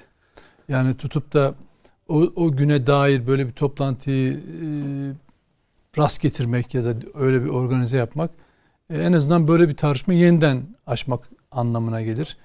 CHP ile ilgili insanların kafasında o tarihlerde bir takım hatıralar var. E, başörtüsü konusunda o süreç ve sonraki süreçlerde e, takındığı tutum var. Dolayısıyla eğer onun o tarihi helalleşme başlığı altında belledilerse bence Masum Bey gibi bir yanlış yaptılar. O yüzden ben yani e, tabii böyle yani 6 tane partinin de e, o rakamı yani 28 Şubat'ı duyunca ya bugün değil de bir gün sonra bir gün önce yapsak e, dememesi de benim için o anlamda şaşırtıcı yani. Öyle çok ben, Meral Hanım'ın bunu demiş olması lazım ya mesela. Bütün bütün partilerin yani ben olsam o bir, bir, bir, çünkü şöyle düşünün ki mas, bir nasıl bir masada oturacaklarını, masada hangi sırayla oturacaklarını ya da yan yana fotoğraf çektirirken kim kimin yanına geleceğine kadar e, imaja etkiye e, önem veren partilerin o tarihi e, düşünmemiş olmaları pek e, Yani şunu da eklemek yani istiyorum. ancak dediğim gibi. ihmalle veya e, gibi geliyor. Yoksa mutlaka birisinin uyarması e, gerekirdi gibi Bence geliyor bana. bilinçli seçimdir. gibi. Çünkü CHP dışındaki 5 partide 28 Şubat'ta biz mağdur olduk diye kullanan kesimden insanları. Hangi ha, tabii Diğer şey var. beş parti. Yani şimdi Saadet Partisi Saadet orada Partisi de, Saadet Partisi İyi orada Parti'nin kadroları da. hangi şeyle e, sıfatıyla duracak? O gün 28 Şubat'ı destekleyen mi yoksa 28 Şubatçıların hedef aldığı grubu mu e, temsil Ya da edecek? CHP'ye diyecek ki canımızı yaktınız lan diyecek. ya da ne bileyim yani e, şimdi diyelim ki CHP böyle bir şey belirledi. E, biraz hani emri vaki demeyelim de işte yani o böyle zaman belirledi diyelim. CHP değil. 28 E, Şubat'ta ama bunu yok. bunu e, Saadet Partisi yanındayken Aktörler hele hele o dönem İçişleri Bakanlığı yapmış. E, Meral Akşener de oradayken bence üzerlerine üzerine düşünmeleri gerekirdi. Belki muhtemel Masum Bey söylediği gibi değiştirebilirler tarihi de. Değiştirseler ne olur bu saatten sonra? Daha kötü olur. Yok yok siz tarih Sizce özür şey mi? Yani, Tarihi Sizce- tarih Evet evet. Sizce- Tarih üzerinden tartışma yaptığınız için söylüyorum. Yoksa içerik olarak çok büyük bir anlamı yok benim açımdan. Yani Hmm. çünkü e, bu hazırlıkları yani bu şu ortaya çıkan metnin hazırlık aşamasındaki düşünceleri neyse bundan sonraki süreçlerde çok farklı bir tutum alacaklarını zannetmiyorum. Ben şöyle söyleyeyim. Ben 28 Şubat tarihini e, bilerek ve isteyerek seçildiğini düşünüyorum. Hiç rastlantı falan olduğunu düşünmüyorum. Hatta e, 6 parti çıkıp beraber e, o gün açıklayacaklar biliyorsunuz bu e, şeyi. Muhtemelen e, 28 Şubat'ın seçilmesinin de o demin kullanılan kim demişti 28 Şubat tarihin seçilmesiyle ilgili bir şey yok. İyi Parti Grup Başkanı, Meclis Grup Başkanı. Yok Davutoğlu bir şey söylemişti e, dedin şeyle ilgili. 28 Şubat'tan daha kötü bir e, yönetimle. Yok yok. O işte İyi Parti İyi Parti yetkilisi. mi? Evet. Bence e, 28 Şubat e, olarak seçilmesinin sebebi bugünkü yani Cumhur İttifakı'nı o süreçle benzetme üzerine kurgulayacakları için seçtiklerini düşünüyorum. Konuşmalar, söylemler Tam da bunun üzerinden mi? tam da bunun üzerine. Hmm. Tam da bunun üzerinden gidecekler. Yani 28 Şubat'ı 28 Şubatlaştırarak e, gidiyorsunuzun üzerine kuracaklar şeyini. Ben e, rastlantı olduğunu düşünmüyorum. ben birkaç bir şey söylemek istiyorum. Ben rastlantı olduğunu düşünmüyorum. Hmm. Çünkü e, böyle bir tarih e, demin Masum Bey de söyledi. Eğer bir kurgunuz yoksa, bir kurgunuz yoksa elinize aldığınız bir e, el bombası gibidir. Pimi de çekilmiş haldedir yani. Patlayacaktır kesinlikle elinizde. Dolayısıyla hazırlanılmıştır. diyor. Kesinlikle 28 Şubat günü açıklayacakları parlamenter sistemin kurgusunu, demokrasi ve 28 Şubat'ın e, yaşananlarla bugünle ilgili geçişlerle anlatmaya çalışacaklardır. Bir ajans faaliyeti gibi bir e, süreci o gün görürüz. Yalnızca parlamenter sistemle ilgili bir şey açıklanmayacak. Onu söyleyeyim size. Onu bekliyor herkes. Hayır, o açıklanacak ama niye ona geçtiklerini 28 Şubat günlerine anlatacaklar. Ha evet. evet. O zaman işte bu sözün e, tam karşılığı Tam gibi bir şey karşılığı. geliyor. Tam karşılığı. İhsan Aktaş. Şimdi toplumun hafızası vardır. Yani 27 Mayıs dediği zaman Türk toplumunda neyin canlandığı be- bellidir. Yani Adnan Menderes ve arkadaşlarının işte bir darbe ve e, CHP ile gerçekleşti. Yani Cumhuriyet Halk Partisi'nin taraf olduğu bir darbeydi. 28 Şubat süreci de her ne kadar iktidarda Cumhuriyet Halk Partisi olmasa da o süreçte kahramanlık gösteren birçok kişi daha sonra e, Cumhuriyet Halk Partisi tarafından milletvekili seçilmiştir. Takdir görmüştür yani. Siz bu başörtülü çocuklara zulmettiniz. Yani düşünün memlekette 10 tane general cunun etmiş eski tabiriyle çıldırmış, kafayı yemiş ve Türkiye o gün işte %10 büyümeyle Necmettin Erbakan belki de bugünkü savunma sanayi temellerini o günden atacaktı ve biz Almanya ile yarışacaktık belki de. Ya İsrail'in, Amerika'nın emriyle bu 10 tane hain general e, şey, şeye kastetti, sivil siyasete kastetti, demokrasiye kastetti.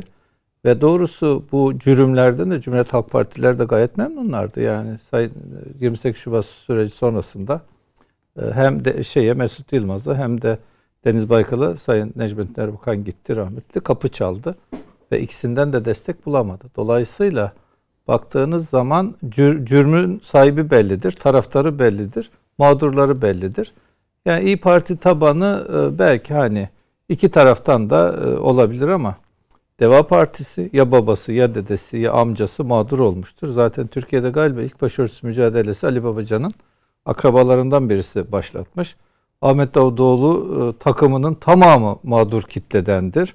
E, Saadet Partisi zaten işte kendisini eğer Refah Partisi'nin devamı görüyorsa o da o saftandır. Doğrusu bu şeyden yani mesela 27 Mayıs e, adını koyduğun zaman orada ne çıkaracaksın? Ama orada 28 ben Şubat. Katılmıyorum. 27 Mayıs'ında Bir saniye. 28 12 Mart'ta Şubat. CHP ile ilgisi yoktur. 28 Kampanya Şubat. CHP'ye karşıdır. 28 Şubat e, şey olduğu zaman da 28 Şubat adı konduğu zaman nihayetinde melanet bir şeydir. Haince bir girişimdir.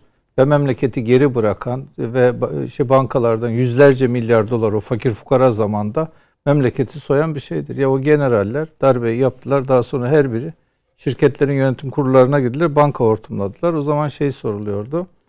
Efendim e, bir bankadan eğer para geri ödemeliyse maliyeti yüzde beş, ödemesiz ise yüzde yirmi. Yani aradaki de rüşvet alacak. Bankacı soruyor. Diyor ki bu parayı ödeyecek misiniz, ödemeyecek misiniz? Ki e, hangi bankada ne kadar kaçırıldığını e, Masum Bey bilir herhalde. Hayır hayır hiç böyle bir şey yok. Bakın ben me- Bitireyim. yıllarca bu mesleğin ma- muhasebe Şöyle, mesleği bu- içindeyim asla.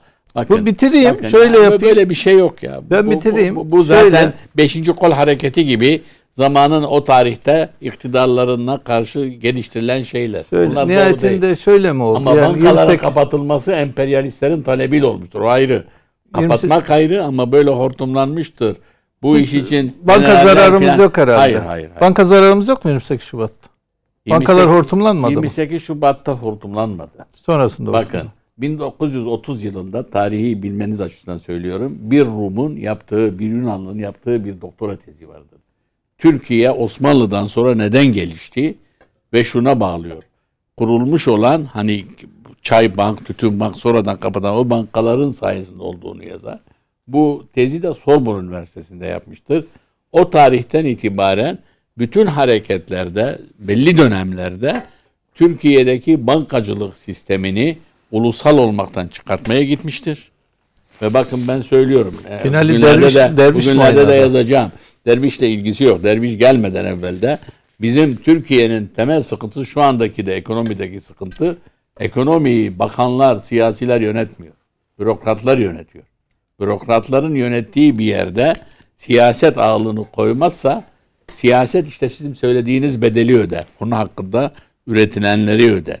Yani e, önemli ilkeler beyannamesi vardır o zaman CHP'nin ve ilk seçim olsa belki de tek başına iktidar olacaktı.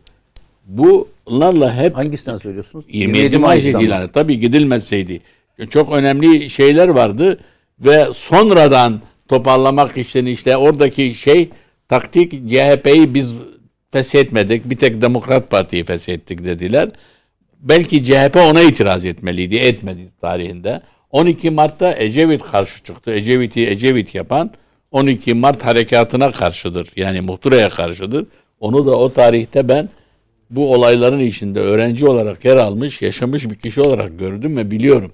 Şimdi bu tür şeyleri anlattığımız zaman bugüne de çare olmuyor. Gerçeği bilen benim gibi çıkıp söylüyor o zaman. Yani esas Yani şöyle 27 E, Mayıs'ta CHP'nin dahli yok mu diyorsunuz? Yoktur tabii. Hiç yoktur. Yoktur Tarihi tabii. yeniden yazmamız Hayır lazım. efendim ben size tavsiye ederim. Sadi Koçaş'ın e, Metin Toker'in hatıralarını okuyun. Hepsinin bu harekat, Ya biz başka bu çok baş kaldırı 1942'de daha tek parti döneminden başlanmış örgütlemesini getirmiş getirmiş. 60 ihtilali gerçekleşirken tabii şu sıkıntımız var. Emperyalistler bizim NATO'ya girişimizden sonra Türkiye'de cirit atmışlardır. Artık ilişkiler, e, şeyler bakın ben bir şey söyleyeyim. Bu dönemin bürokratları yakın zamanda bundan yani 10 sene kadar önce bir OECD toplantısında Cumhurbaşkanımızın görevden alınması, dava konusu edilmesi toplantısında seyirci kalmışlardır. Ben bunu öğrendiğim zaman hep televizyonlarda her yerde söyledim. Ve bugünlerde mesela iki tane var. Bir tanesine Ticaret Bakanlığı bünyesinde kanun çıktı kooperatifler kanununda. Ona yol açacak düzenleme yapıldı. Hiç. Seyirci kalındı. Aynı şey parlamentodan geçerken yönetmenlik yayınlandı. Ben bakan da rica etti. Gittim açıkladım. Bürokratları ikna edemiyorsun ki. Yani Türkiye'de bakın Türkiye'nin geriye gidişi için siyaset daima ipi elinde tutmalı. Biz ne yapıyoruz? Siyasileri kötülüyoruz. Ben ne bugünkü siyasileri kötülerim ne de o günkü siyasileri. Bütün mesele bu işin birbirimize inanmaktır. Yani biraz evvel nasıl bir eleştiri yaptınız alternatif şey yoktur diye. Ama böyle şimdi oturup vurabalıya CHP bugünlerde kötü o gün CHP ihtilal yapmıştı filan herkes anlatmaya çalıştı. Bakın siz yaşamadınız o tarihte yaşadık. Biz ilkokul öğrencisiydik. Bizi okullara gönderip filmde şeyi haklı göstermek için ne gösteriyorlardı biliyor musunuz? Bir kasa kasa açılıyor içinden iç çamaşırları çıkıyor filan filmlerini seyrettirdiler. Aslında sempatizan yaratmak istediler. Hepimiz nefret eder şeklinde olduk. Yani çocuk Çok 60'tan aklımızda. bahsediyorsunuz. Efendim 60 Ya da mu- 1957 mukavemetin Mayıs ihtilalinde ben silahlarına- 10 yaşındaydım. Bizi sinema filmlerinde meşruiyetini göstermek için kim akıl vermişse hiç memleketin gerçek meseleleriyle ilgili yapmıyor. Bakın her şey yanlış. Mesela Avrupa Birliği'ne girmek istedik. Girmek istediğimiz dönem Adnan Menderes, Celal Bayar ve Fatih Rüştü Zorlu dönemidir. Adamlar bakanlarını gönder şimdilik kalın dediler. 59 anlaşmasında bizim bu yıl dahil girmememizi engelleyen bir anlaşma yapıldı. Roma Anlaşması. Kimse bunları bakın konuşmuyor. Niye? Çünkü biri eleştirince susuyor. Vallahi ben CHP'li değilim. CHP'nin yaptıkları yanlışları da tasvip etmiyorum. Ama o tarihte bu işi yönetenler, bu işi yapanlar başka kişilerdi. Başka yapıydı. Yani bunları ben neden söylüyorum? Bunları herkesin bilmesinde fayda var. Ta bir büyükelçi yazana kadar kimse ve ilk bilgi veren de ihbar eden bakın bizi de almak istiyor. Belçika açıklama yaptı ya Menemencioğlu'dur o tarihteki büyükelçi Brüksel'deki. Yani bu tür şeyleri neden söylüyorum? Bir mesela ben e, Erbakan'ı bakanken yaptığı şeylerden çok motorculukla hani var ya bir aracımızı yapmaya çalıştığımız zamanki etkisi meşhur gümüş motor fabrikasını kurması oluşu hep ikinci plan atlıyor. Esas sanayi hamlesi odur. Ve niye bizim şey yapılmadı hangi iş adamları yönetim kuruluna alındı da onlar kendileri araç üretene kadar o yakın araç üretimini durdurdu. Kimse bunları bu gerçekleri konuşmuyor. Televizyonlarda konuşmuyor, gazeteler yazmıyor. Bu işte reklam devreye giriyor, bilmem ne devreye giriyor. İnsanların farklı şey yapıyor. Ama sizin söylediğiniz bazı kesimlere tamam derim. Yani bazı insanlar kendilerini kaybettiler. Yani mesela 12 Eylül'de Mesela dedik bizim o çocuklar ihtilal yaptı lafı. Ben o tarihteki generallerin ne sizin çocuklar diye çıkış yapmasını beklerdim. Yani ben o- bunu o tarihte eleştirmiş bir kişiyim. O zaman üniversitede öğretim görevlisiyim. Ya niye konuşmuyorlar bunlar demiş kişiyim. Neden bunu söylüyorum?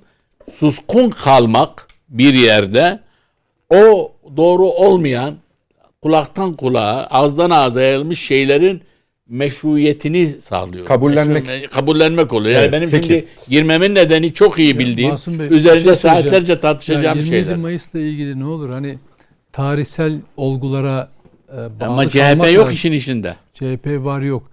27 Mayıs benim çocuklu- Yanlıştır ama 23 niye- bak bir şey söyleyeyim beni yanlış anlamayın. Ama CHP'ye mal edilmeye çalışıyor Yok, değildir. Şöyle söyleyelim. 27 Mayıs benim çocukluğumda da bay, ilk yıllarında yani ilkokulun ilk yıllarında sonra kaldırıldı. Bayram diye kutlandı. Allah aşkına yani gidip anıtlara kimler çelenk koydu ya? Yani herhalde Menderes yanları değil yani. Mesela CHP Bir marşı örnek ne var? verelim. Yani, Demirel de koydu. Bir örnek vereyim. Ee, Yani Geçtiğimiz kim günlerde koyduysa koydu. e, Şunu İstanbul- söylemeye çalışıyorum. Yani şöyle üç insan asılmış. Bir sürü insan yargılanmış. Bugün bir takım şeyleri başka türlü anlatacağız diye o acıları mesela Deniz Hayır, Gezmiş, anlatalım Deniz. Gezmişler için ben, de öyle. Ben, ben savunmuyorum. Mesela- yok, ama Şimdi- faturayı CHP'ye çıkarmak doğru Bir değil. herkesin fatura, herkesin bu durumlarda şeyi var.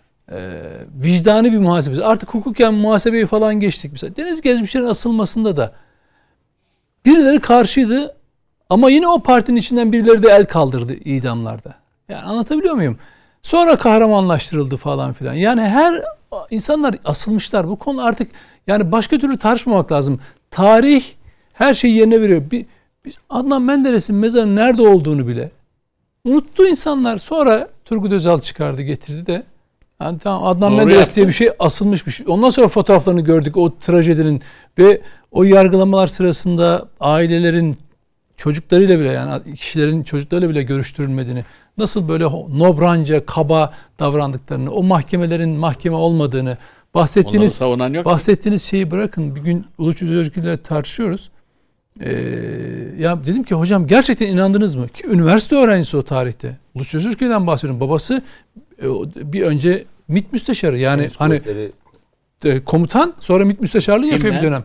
Uluç Özülker. Hı. Bir gün programda dedi ki ya biz dedi hocam. biz dedi o propagandaya inandık dedi. Hatta dedi size daha şeyini vereyim dedi örneğini. Harbiyelerin kıyma yapıldığını. Evet gen, üniversite öğrencilerinin. Üniversite öğrencilerinin mezbahalarda kıyma yapıldığına inandık biz dedi ya. Biz dedi protesto ettik hatta bunları falan dedi. Yani bunu Ankara'nın göbeğinde Bugün hangi gazeteciler bunu yazdı, Ama hangi bakın kalem bunu- şörler bunu- oynadı bunu bakmak lazım. CHP Kökü değil belli. diyor. ben Öyle CHP demiyorum hocam. Bak, zaten kim CHP, Ama CHP'ye CHP, şu bağladıysan bu falan onun filan için devreye demiyorum ben. girdim ben. Yani Ya, sağlam bağla mı? Sonra 27 Mayıs'tan sonra kim eee, şey kurdu? E, 27 Mayıs'tan sonra eee, hükümet kurdu. Kim koalisyon hükümetinin ortağı oldu? Kim kullanacak en fazla oy alan partiye verdiler. İsmet Hayır, hayır. Geçici hükümet Yani. kurdular. O seçimde olmadı ki. İlk darbeciler yönetimi şey yaptıktan sonra dediler ki bir Yoklar. hükümet kurun. Hayır yoklar. Bir bakın. Yani benim söylediğim şey şu. CHP'nin oradaki hatası bir hatası var. Ben ha- bakın, Hata ben- şu. Hani Demokrat Parti kapatılırken var ya şimdi de aynı şeyler yapılıyor. İstiraz ederken herkes edecekti. Hayır kardeşim. Edemezsiniz. Çünkü ben şöyle söyleyeyim. Hocam bakın. bak ben size örnek vereyim. Lütfen bak rica ediyorum. Tekrar etmiş gibi olacağım. İnsanlar da sıkılacaklar. 15 Temmuz gecesi rakı kadehini kaldıran hangi partinin belediye başkanıydı? E, sağlığa zararlıdır. Hangi illerde, tatil yörelerinde, ilçelerde, İstanbul'un nerelerinde tanklar alkışlandı? Hangi camilerde 120 müezzin, hoca, imam tartaklandı, dövüldü? Bir kişi dahi ceza almadı biliyor musun? Bu yargıda 15 Temmuz'da gittiler ağzı bunu dağıttılar müezzinlerin. O darp edilen müezzinlerden dolayı bir kişi dahi ceza almadı. Hepsi beraat etti. Bak bu yargı yaptı bunu. En çok konuşulan İzmir'deki dahil. Hepsi hepsi bakın. Anladın mı? Siz diyorsunuz ki ya o öyle. Hangi zihniyette onlar? Hangi zihniyet? Bakın parti falan demiyorum. Bu bir bu bir rahatsızlık. Bu neyi gösterir biliyor musunuz? Onun şöyle olduğunu böyle değil. Demokrat olmadığını gösterir. Bugün demokrasiden bahseden mutabakat imzalayan 6 tane parti. Bütün parti liderleri. Kim var orada? Ee, Kılıçdaroğlu, Akşener, Davutoğlu, Babacan, Babacan. e, Davutoğlu, Demokrat Karamoğlu. Parti'nin lideri Karamollaoğlu. 15 Temmuz gecesi demokrasi ifade edilirken neredelermiş? Hadi bakalım buyurun. Kimler güvenli evlerde? Nerede saklanmışlar? Hadi buyurun. Bir de bir şey dediniz siz. Bana de bak, eklemeyi bak düşünüyorum. e, anlatabiliyor muyum? Dolayısıyla hani o kafa şimdi de- Demokrat Parti içinde Adnan Menderes'e karşı olanlar hatta 27 Mayıs'ı destekleyenler yok mu zannediyorsunuz? Her her sistem kendi içinde şeyini yaratıyor. Erdoğan'a ihaneti siz yapmadınız. Ben yapmadım. Biz biz hep karşı karşıya geldik. İhaneti kimden gördü? Yanındaki adamlardan. Benden değil, sizden de göremez. CHP'den de göremez. Orada düşmanından görmez. Kimden gördü? Dostum dediği adamlardan gördü. İhanet hançerini onlar sapladılar. Ama tamam ihanet Bu edenler hep ama bir öyle. kurumu Ee, mal Masum edemezsin. Bey, Onu. Ben kuruma mal çıksanız Ama kuruma mal ettiysen muhitlerde be onun için itiraz 100 et. tane Masum Bey şöyle Türkiye'de belli muhitlerde çıksanız 100 tane kişiye e, şey sorsanız bunlar da Cumhuriyet Halk Partisi olsa Adnan Menderes sorsanız hepsi sizi doğrulamayacaklar. Yani fikirleri konusunda. Hayır. hayır. Geçtiğimiz günlerde Adnan Ekrem Menderes e, idam edilmesin diye İsmet Paşa'nın Şöyle. ne yaptığını Ya- ben O tarihte ya devlet adım gibi normaldir. çünkü babam Bey- gazetecilik yapıyordu. Gazeteleri bekliyordu herkes ve idam günü gazeteler gece saat 1'de geldi Mardin'e. Dükkanın önünde kuyruk vardı. Gazeteleri açtık. Herkes ağlayarak kaldı bakın. Ama ben bir şey söylüyorum. O üç idam da yanlıştı. Deniz Gezmiş ve arkadaşları da yanlıştı. Hatta şimdiki iktidarın elinde bir koz var. Emperyalizmle mukayese kavga ediyor ya. Deniz Gezmiş ve arkadaşları emperyalistlere söz verenlerin idamıdır o. Eğer çok istiyorsa onların hakkını iade ettim desin birdenbire ibreyi değiştirir. Hani birçok kesimde. bir dakika cümle daha bir- kurmak bir özür bir dilerim. Nazım Hikmet'in vatandaşlığını zannediyorum bu hükümet geri Tabii verdi tabii bu değil mi? hükümet zamanında. Ne oldu? Allah aşkına ne oldu? İbre mi değişti? Öyle değil. Ya, Bile mi değişti? Yani Orada gerçekçi hikaye- olun. Bunda hikaye değişir. farklı. Bir saniye, saniye, çok bir şey yapıyor. Az önce dediniz ki Ya- Ya, Yapma, Rasim Bey, Rasim Bey, ya? yapma. Biz Arkadaşlarına itibarını Dar- ediyoruz. darbe tarihçesi Ben size derese 27 iade edin 28 ya. Şubat tarihiyle ilgili bir şey görüşümü söyleyeyim. Şimdi Kılıçdaroğlu'nun açıklamasına baktığımda diyor ki öyle özel olarak seçmedik diyor. Kendi söylüyor. 28 Şubat değil aslında orada kritik tarih. 27 Şubat. Niye? Çünkü rahmetli Erbakan'ın vefat e, Yıl ile ilgili yıl dönümü var. Bütün ittifak üyeleri orada bir araya gelecekler ve e, anmaya katılacaklar. Asıl kritik olan o. 28 Şubat sadece sonraki gün İstanbul'da olduğu için e, bu deklarasyonun yapılacağı Neler tarih. O kadar. 28 Şubat sürecinde Erbakan Hoca O yüzden idam- 28 idam Şubat üzerinden edilseydi- tartışma Vallahi çok anlamlı değil. edilseydi o Cumhuriyet Halk Partilerinin tamamı ayakta alkışlayacaktı. Ben, o ben, siz yüzden ben dediğiniz Ben önce sözüm bitmedi Sayın yalnız. Ben Erbakan konuşmak rahmetli istiyorum. olduğu zaman mezarının başına kadar namazdan sonra giden tek parti lideriydim. Yani kendi partileri dışında. Ve Evet, hak etti gitmeye. Çünkü neden? İnsanları yalnız karşıt görüş olarak değil. Devlet adamı olarak yaptıklarına da bakacaksın. Yani illa sana değil kendi camiasını nasıl yaptığı da önemli.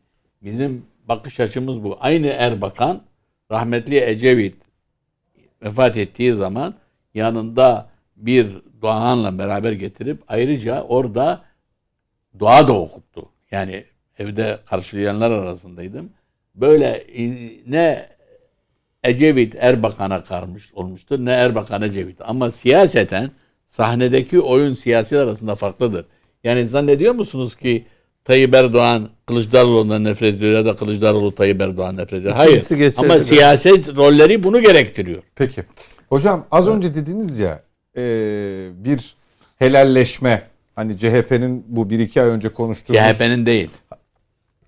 Peki Bu işe 28 imza atanların Peki. burada tekrar kaldığımız yerden devam ediyoruz. E, 28 Şubat'ı tekrar dirilteceğiz. Hayır. e, şimdi o ne anlama geliyor? Şubat'ta Şubat kaldığımız Kimle neyin helalleşmesi? 28 Şubat'a odaklanmayın. 27 Şubat'a odaklanın. Hayır, hayır, ben Erbakan'ın anma gecesi gece- şöyle ona söylüyorum. odaklanın. Bir cümle kurmadan- kim neyle helalleşecek, Helalleşme helalleşecek? değil. Madem Kendileri, kendini kusurlu kendileri 28 Şubat'ta kaldığımız yerden biz devam ediyoruz diyorlar. Yani biz kendi değişmedik. Biz yine varlığımızı sürdürüyoruz. O gün neysek bugün de buyuz. E bu helalleşme E gerektirmiyor. mu? kendi aralarında helalleşmedir. Yok, Yani yok öyle bir şey. Bak. Ben Peki. Bak Hocam helalleşme konusunda e, ilk ortaya atılıp işte o, e, Kılıçdaroğlu bunu e, e, ifade ettiğinde en böyle e, hafif tartışmanın yapıldığı ve asla tarafların kabul etmediği konu buydu. Yani muhafazakar kesim ki bir kısmını önemli bir kısmını AKP bir kısmını Saadet Partisi temsil ediyor ve asla bu konuyu helalleşme kapsamına onlar almadılar. Sen ne kadar ben işte o günlerde yaptığımız hatalar vardı bizi affedin falan helalleşelim falan. Ya desen de karşı tarafın bu konudaki alınganlığı kırgınlığı çok farklı noktalarda.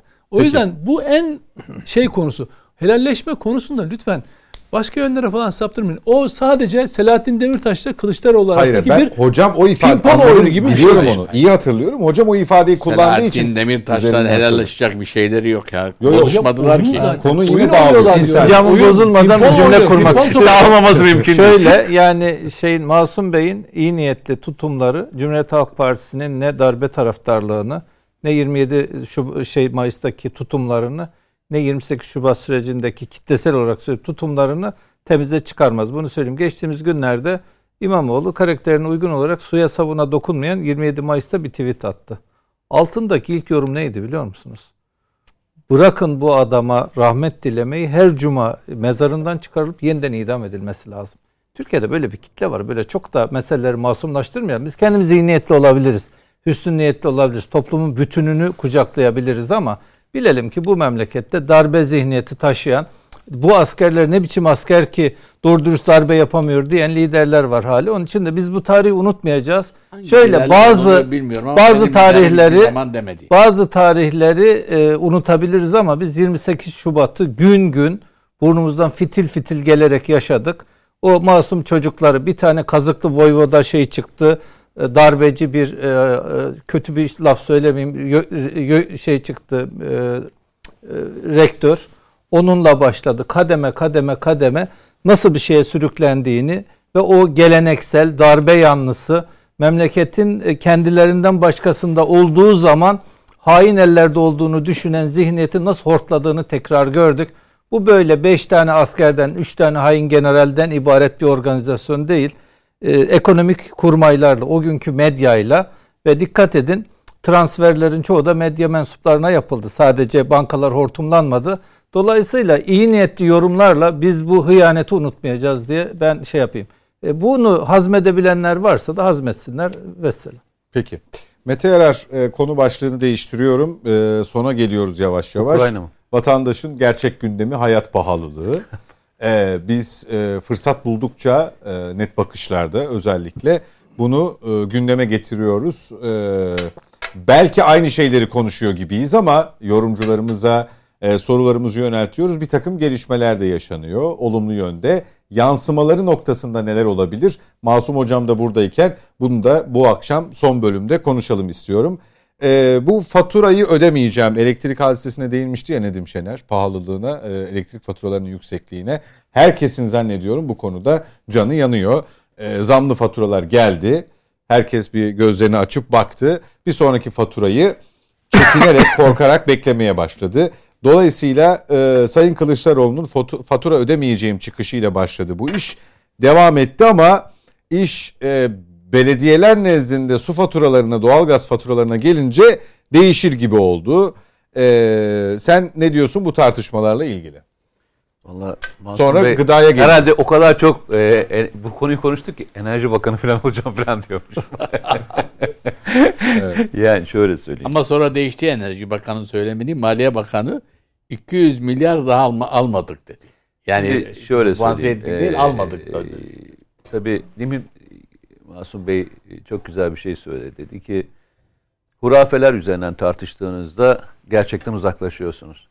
Yani e, siyasetin söylemleri farklı olabilir ama bir de ger- gerçeğin realitesi var yani. Bu, bu realiteden uzaklaşmamak lazım.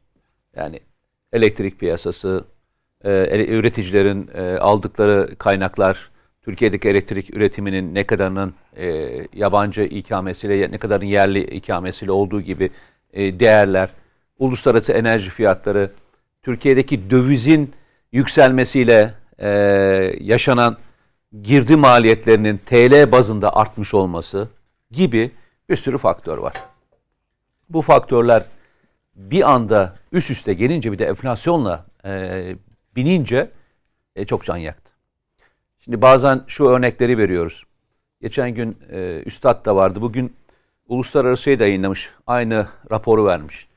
E, Türkiye'nin enerji fiyatıyla Almanya'nın enerji fiyatını falan karşılaştırmışlar. İşte 200 dolarların 200 e, dolarların üzerine çıkmış. Türkiye'de 90 dolar civarında megawatt başı falan.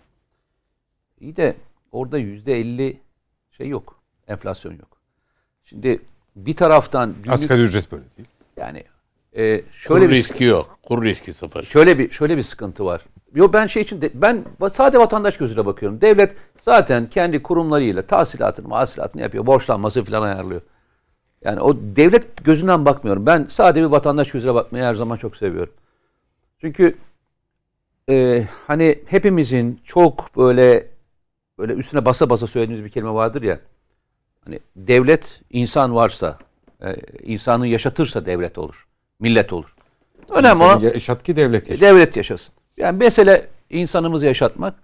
e, bizim başka toplumlardan farklılığımızı ortaya koymak.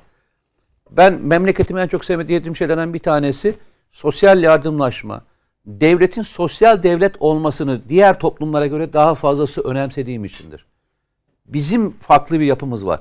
Bu yapıdan uzaklaşmadan bu sorunu tartışıp çözmek lazım. Bir e, nevi ayırt edici bir özellik yani. Bariz hatta. Ee, bu nedenle bu işin verisinde şunu atlamayalım. Türkiye'de kira fiyatları anormal yükseldi. Bu elektrik parasını ödeyemeyen zaten evi olmayan insanlar. Bir kira parası yükseldi. İki enflasyon, günlük hayat pahalaştı. Ee, bir de enerji gibi hayatın içerisinde vazgeçilmez bir rakamı da e, pahalaştırdığınızda insanlar gerçekten feryat figan ederler. Niye? Çünkü hepimiz şöyle yaşıyoruz.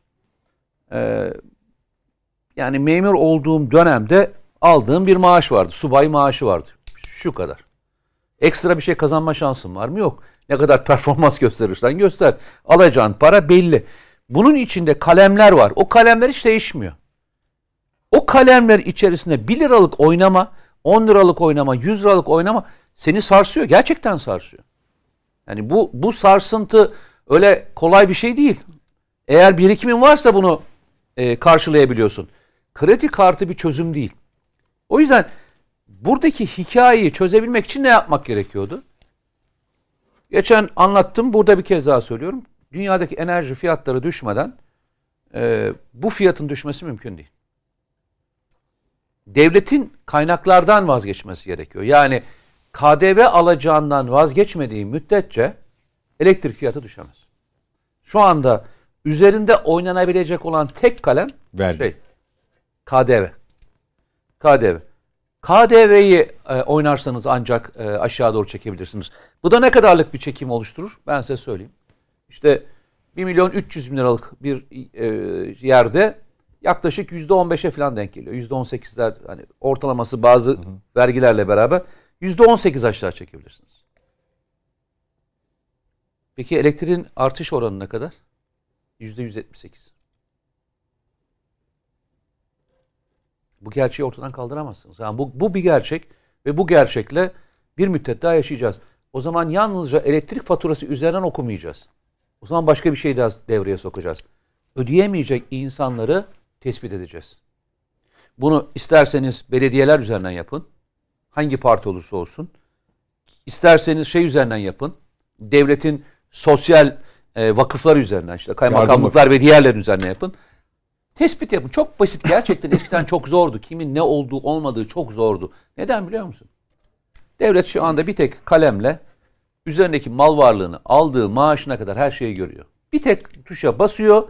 Bütün dokümanlar çıkıyor. Eskiden e, mal var mı? Yok oradan evrak getir buradan yok. Bir kalemle görebiliyorsunuz bütün sosyal hizmetler. Ödeyemeyecek olanları zaten tespit eder bu devlet. Ve bu ödeyemeyecek olanları muhakkak elektrik teşviklerini arttırması gerekiyor. Hiç kimse de bu konuda vatandaş olarak ağzını açıp şunu söylemez. Bakın bu devlet şunları yaptı zaten. Demin e, ilginç rakamlar vardı İhsan Bey'de. Ne dedi? Dedi ki bu pandemi döneminde sermaye kuruluşlarının ayakta kalmasını sağladı. Neydi onlar? İşte kredi maaşların verilmesi, onlara kredi verilmesi. Bugünlerde onların desteğe ihtiyacı yok. Çünkü onlar zaten ihracattan ve diğer şeylerden para kazanıyorlar. Şimdi yaşatmamız gereken ve ayakta tutmamız gerekenler vatandaşlarımız. Ve ben bunu siyasi okuma üzerinden yapmıyorum. Yani bir seçim yatırım üzerinden yap, düşünmüyorum. Zaten vatandaş o kadar ilginç ki sizin samimiyetiniz o kadar iyi anlıyor ki. Sizin bir şeyi yapıp yapmadığınızda farkındalığınızı gördüğünde yaklaşımı da ona göre yapıyor. Bence bu konuyu. Bunu bir seçim yatırımı olarak da görmem. Ben vatandaşımın bu süreç içerisinde aynı sermayeyi nasıl koruduysam onu da korur. Çünkü bu vatandaş harcayamazsa, bu vatandaş zorluk içinde kalırsa bizim huzurumuz kaçacak. Bizim huzurumuz kaçacak. Nasıl huzurumuz kaçacak? Ödeyemeyecek. Ödeyemeyince e, bir sürü problemler yaşanacak. Bu problemler aile hayatlarına olacak, evdeki huzuru kaçacak, çocuklarımızın geleceği. Bugünkü yaşayacağımız yalnızca bir elektrik faturası olarak değerlendirmeyin. Her şeyini etkileyecek. Her şeyle etkileyecek.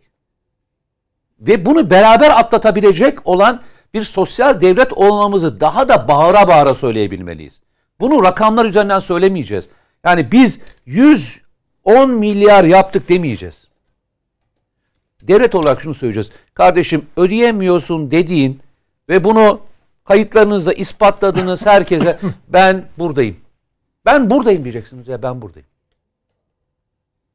Bu lafı dediğiniz andan itibaren bu sorun biter. Bu sorun biter. Çünkü biz böyle yaşıyoruz. Kimisi demin geçen gün konuşuyorduk. Yani şöyle akıllarla gitmeyelim. Ya işte evinizde 3 lambül varsa 2 lambasını e, kapatın. Ya zaten e, insanlar affedersiniz şey mi iki lambasını kapatmayı bilmiyor mu ya? O kadar mı cahil? Elektrik faturasını onlar görmüyor mu? Hayatlarında hayatın hep böyle bollukla yaşamışlardı. Nereden ne şekilde tasarruf edeceğini. e, evet, 8 tane e, böyle şeylerimiz vardı. Spotlarımız vardı. Spotlardan bir tanesini ve kapatmıyor muyuz falan. Öyle bir hayat mı yaşıyoruz biz? Kapatıyoruz arkadaş. Böyle akıllar vermek yerine ya vereceğimiz şeyler şunu verebilirsiniz. Teknik olarak şunu verebilirsiniz. Bugün geçen gün bahsettiğiniz şeyi bugün gördüm. Ne kastettiğinizi de anladım. İşte birisi şey demiş. E, yalnızca elektrik prizlerinizi çekmeniz. Şey için söylemiyorum.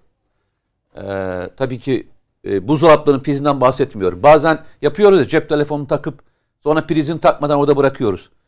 Onlardaki o birikimler %5 civarında bir elektrik tüketimini arttırıyor diye bir şeyler var. Tasarruflar var. LED lambasını değiştirin, onu yapın, bunu yapın. Bunları tartışabilirsiniz. Onlar uzmanlar anlasın. Bunlar siyasetçiye girme siyasetçi bu konuya girmez. Çok antipatik oluyor. Siyasetçi bu aklı vermez. Bunun aklını verecek olan uzmanlardır. Çıkartırsınız uzmanlar anlatır size. Elektrik tasarruf nasıl yapılır? Onu normal zamanda da söylüyorlar zaten. Hayır, onlar üstünde- yapsın. Siyasetçi Hayır, yapmasın. Siyasetçinin- zaten. Bak siyasetçinin yapacağı bunun çözümünü yapmak. İktidarın yapacağı çözümü üretmek. Muhalefetin yapacağı da bu çözüme nasıl destek vereceğini açıklamak. Yani bunu yaptığımızda aşarız. Başka türlü aşamayız. Yoksa hepimizin bakın bir kez daha söylüyorum. Bunların aşağı gelmesi mümkün değil. Mümkün değil. Devlet alacaklarından vazgeçse dahi inebileceği fiyat yüzde on sekiz. Yüzde yüz yetmiş sekizin yüzde on sekizinin ne yapıyor? Yüzde yüz altmışa gelirsin. Daha fazla inemezsin. Şunu yap yapması gerekiyor. Geçen gün konuştuk. El, süpermarkette bakkala aynı tarifeyi yapmayacaksın arkadaş. Süpermarketin geliri farklı. Marketin geliri farklı. Şeyi farklı. Bakkalın geliri farklı. Aynı statü değerlendir değerlendirmeyeceksin. Hatırlarsanız geçen günlerde bir şey çıkmıştı. Çok da sevinmiştim. Ee, belli bir gelire kadar olanların muhasebe tutmasını kaldırdılar galiba değil mi? 800 bin şeyin. Yani belli bir kiloya kadar olanları kaldırdılar. Doğru yapmadılar. Ben ben ben, Kayıt dışı ekonomiyi hiç teşvik ettiler. ya ben onu bilemem. Onu başka zaman konuş. Hayır şunu yapabilirsiniz. Değiştirebilirsiniz. Kolaylıklar sağlayabilirsiniz. İnsanların ayakta kalabileceği sosyal devletle olmakla ilgili geniş yelpaze yatırabilirsiniz. Gelin burayı bugün böyle atlatacağız. Başka çaresi yok. Yok. Ve bakın şimdi deminden beri şeyleri hem size bak e, dinliyorum hem de Ukrayna krizini takip ediyorum. Yani dış basında neler oluyor, neler takip ediliyor. Bas bas şey bağırıyorlar. Yani yani bu akşam girecek diye e, Amerika, Evet, şey Amerika- gazlıyor. Teşvik Evet, ediyor. Amerika Lviv'e taşımış galiba elçilik operasyonlarını. Evet. Yani şu anda bu gece sanki girecekler. Yani bütün şey bu akşam girecekler. Hatta uydu görüntüleri yayınlıyorlar. İşte Rus birlikleri e, Ukrayna sınırına gidiyorlar şeklinde. Dolar yukarı Pentagon- doğru do- dolar yukarı doğru gitti. Şey dolar diyorum. Altın yukarı doğru gidiyor. Şu anda ham pat, e, petrolün fiyatı 96 dolar.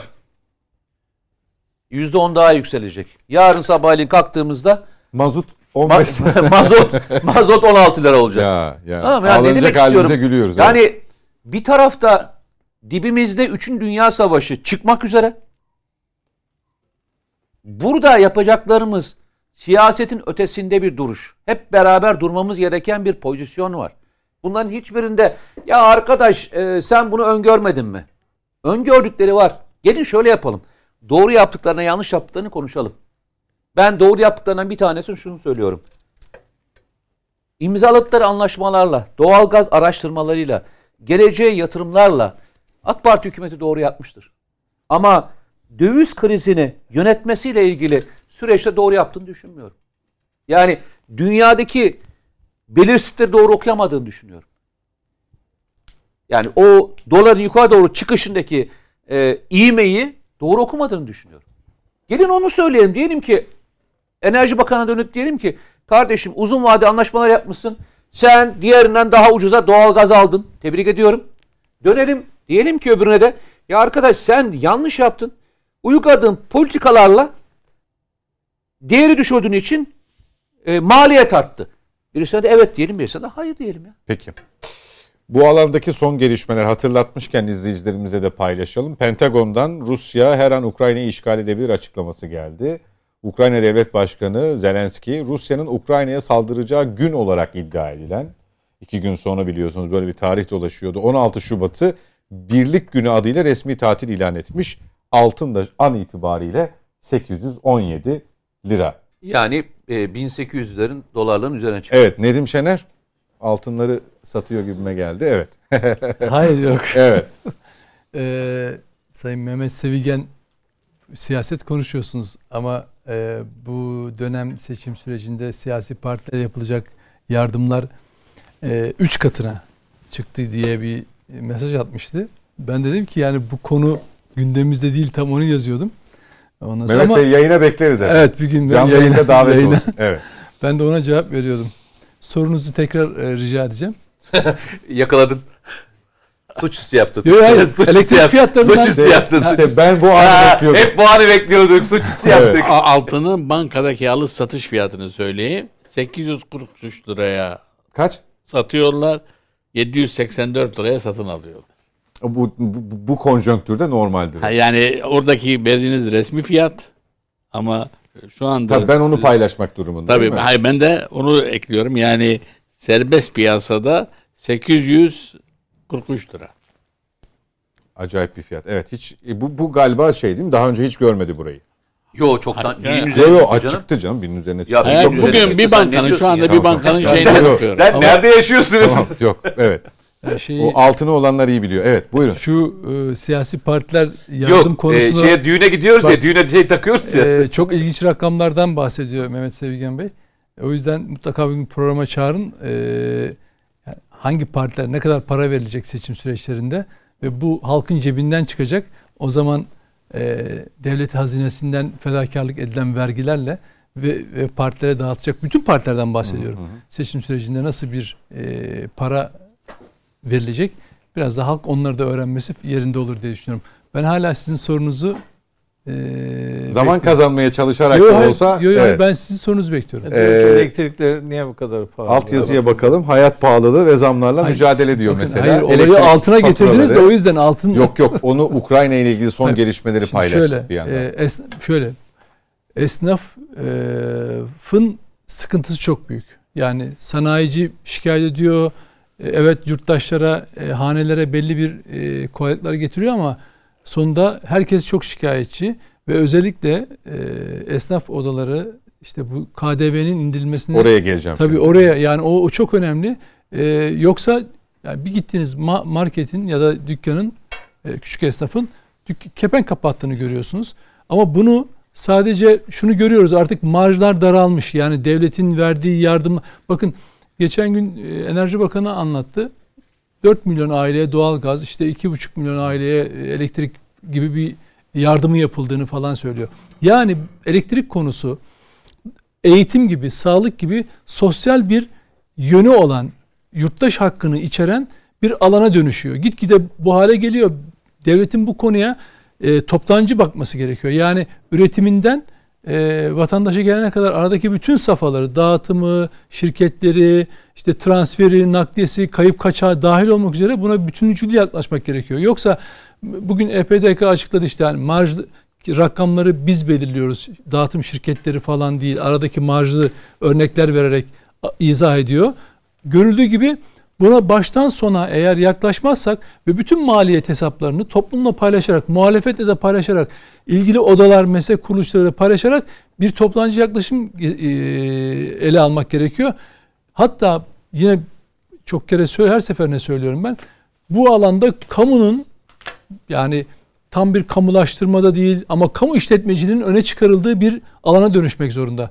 Telekomünikasyon böyle mesela sağlık, eğitim nasıl e, yurttaş hakkıysa buna da öyle bakmak gerekiyor. Yoksa şimdi mesela KDV, gıdada KDV indi değil mi? Mete'nin örnek verdiği gibi akaryakıta e, yarın 10 %10 zam geldiğinde e, bütün akaryakıt %10 zamlandığında bütün ürünler tekrar şey yapacak. KDV indirmenizin etkisi ne oldu? Hani bırakın marketlerin, mağazaların bunu suistimal etmesini işte bir gün önceden zam yapıp e, Ya devlet karar aslında şunu yapıyor ben sana bir şey söyleyeyim. ta şeyin niyetini gösteriyor. Diyor ki mi? kardeşim e, zaten zorken ben bir de buradan vergi alarak senin işini zorlaştırmayacağım. Bence oradaki yaptığı yalnızca niyet. Yani ben arkadaş buradan almıyorum. Bir tavır gösteriyor. Bir tavır gösteriyor Yani tavır gösteriyor. Aslında şöyle bakın. Aslına dönüyor. Bu bu Efendim? yüzde KDV çıkarken şöyle büyük mesela yüzde on yüzde birdi zaten. 20 20 liralık üründe Tekrar 2 lira ya da işte bir buçuk lira gibi bir indirim yapıyor. Peki bu vatandaşın bir şeyini karşılıyor mu? Ne oluyor? İşte yarın o e, ham petrole zam geldiğinde, fiyatlar arttığında her şey fazlasıyla tekrar yerine dönmüş olacak. O yüzden yani piyasayı sadece piyasadaki aktörlere bıraktığınız zaman işte ne yapıyorsunuz? Müfettiş gönderip marketleri denetletiyorsunuz falan. Buna toptancı bakmak lazım. Yani ekonomiye toptan bakmak lazım. Sadece şunu yapamıyorsunuz. Bakın tek başınıza faiz kararı aldınız. Faizi indirdiniz ama döviz kuru tek başına ne yaptı? Her şeyin üzerine çıktı ve enflasyonu belirleyen hale geldi. Yani enflasyon bugün niye yüksek çıkıyor? Dünyadaki fiyat artışları onları tamam. Ama aynı zamanda biz bir faiz politikası uyguladık ve ondan dolayı da döviz kurlarına yüklenme oldu ve 18 liradan işte bugün 10 13,5'a ge- geldi. Ama yarın bambaşka rakamlara dönüşebilir. Çünkü işte Ukrayna Savaşı veya başka e, uluslararası gerilimler bunu tetikleyebilir. Dolayısıyla ekonomiye, ekonominin bu alt sektörlerine e, toptancı bakmak gerekiyor. Planlama gerekiyor. Özellikle elektrik konu, enerji konusu artık her şeyin girdisi haline dönüşmüş durumda. Evlerin, her e, esnafın en büyük maliyet kalemini oluşturuyor. Yani kiraları aşan bir elektrik faturası ben hiç duymamıştım ya bunca yaşıma kadar geldim. Ama bu gerçekleşiyor. Dolayısıyla burada sadece %18 KDV falan değil yani. Kamulaştırmayı da içine alan bir proje gerekiyor. Şimdi devlet bunu yapmalı. Ben güçlü devletin bunu yapabileceğini düşünüyorum. Devletin gücünün bunu yapmaya elverişli olduğunu düşünüyorum. Ama onlar yapmıyor. Muhalefetin bunu proje olarak geliş, geliştirmesi gerekiyor. Mesela hani mutabakat metni falan 28 Şubat'ta açıklanacak falan deniyor ya. Yarın bir gün ekonomiyle ilgili de mesela enerji alanında bunu içeren bir plan insanların önüne koysunlar. Biz görelim yani yarın enerji alanında ne olacak dış politikada, terörde olduğu gibi bu konuda ne yapacaklar bunu görmek gerekiyor bence. İhsan Bey Şimdi ben tedbir olarak belki analiz konusunda hemen biraz KDV, Türkiye'deki- gıdadaki KDV'de Nedim Şener girdi. Vakit çok daraldı. Ayrı bir başlık yapacaktım ama elektriğin dışında onu da Ben katarak cevaplarsanız. birkaç iyi olur. cümleyle nihayetinde şöyle bir memlekette yani vatandaşlar da olduğu zaman devletin odaklanması gereken kesim nedir? Tam ekonomi bütününü yönetecek yani enerjiden ekonomiye kadar bütün alanlar sanayi üretimine kadar fakat asıl burada e, odaklanması gereken bir sosyal devlet olarak bu işten en fazla zarar gören dar gelirli kesimdir. Burada da bence e, acilen yaklaşık böyle 5 milyon hane gibi bir haneye aylık düzenli bir ödenek çıkması lazım. E, doğalgaz biraz geçici bir problem gibi. Yani daha çok sanayi kuruluşlarını ilgilendiren havalar ısındığında mevsime göre de değişen ama elektrik faturaları her an e, yani milletin gündeminde. Biraz da şöyle AK Parti böyle me- vatandaşın karşı karşıya kaldığı her sorunu çözmek gibi bir alışkanlık getirdi memlekete. Şimdi de yani muhalefet olsun, vatandaşlar olsun hadi bunu da yap gibi bir durumla karşı karşıyalar. Eskiden enflasyon döneminde şöyleydi. Enflasyon artardı, zamlar olurdu. Millet bu iki sürece alışkındı. Şimdi e, işte maaş artışları da normal ama nihayetinde gıda ve enerji artışları e, şey e, yüksek boyutlarda. Şu olabilir bir, devlet yaklaşık 5 milyon haneye doğrudan ayda 1000 lira kadar bir destek verebilir. Bu yaklaşık 20 milyon, 4 kişi sayarsak 20 milyon kişiyi bir rahatlatmış olur. İkincisi e, işte yerel yönetimler, yerel yönetimlerin bir sürü faaliyetleri var. Daha çok reklama harcadıkları, iletişime harcadıkları birçok kaynağı doğrudan hatta bazı yatırımlardan da vazgeçerek vatandaşın günlük hayatını kolaylaştırmaya harcayabilirler. Bir de Türkiye'nin yardım kuruluşları yaklaşık dünyanın 100 tane ülkesine yardım götürüyor. Elbette ki oralarda da zorluklar vardır ama en azından böyle bu dönemde şu bir yıllık veya 7-8 aylık süre zarfında yardım kuruluşları da içerideki e, sıkıntılara daha çok odaklanabilirler diye düşünüyorum. Ama nihayetinde devletin görevi nedir? Bir sosyal devlet olarak. Hatta benim şöyle de bir kanaatim vardı. Biraz da ekonominin bir keyifli olduğu zamanlarda bunu gündeme getirmiştim. Türkiye aslında serbest piyasa ekonomisi işletmesi bakımından batılı devletler gibi aslında sosyal destek anlamında biraz sosyalist e, ekonomiler gibi bir tutumu var. Bunu yeni bir ekonomik model olarak tartışmaya da açabilirdi ama günü bugün değil. Yani Evet, bu tartışmayı açmanın. Burada e, şeyler Şeyi e, Mehmet Sevigen'in önerisini bakın yani açtığı konu üzerinden söylüyorum. Şu anda şey ya gizli gizli konuk. Gizli konuk şeklinde. Hocam şöyle partilere normal zamanın 3 katı verilecek. Mesela sadece HDP'yi atmış burada. 73 milyar gibi bir 70 şey almış. milyon. Milyar. Milyon. Milyon. Senin bu Şimdi sıfırlarla ilgili sorunun var bu. Yok, yazılanı okuduğum için biraz öyle. Şimdi 210 mil- milyon civarında. Trilyon yani. Kim var demek Bunları hocamın söylediği 5000 aileye elektrik faturası olarak dağıtabilirsiniz. Bütün partiler AKP'si, CHP'si. MHP'si hepsi 5 milyon. 5 milyon. 5 milyona pardon 5 milyon aileye de'nin elektrik faturasını dağıtabilirsiniz.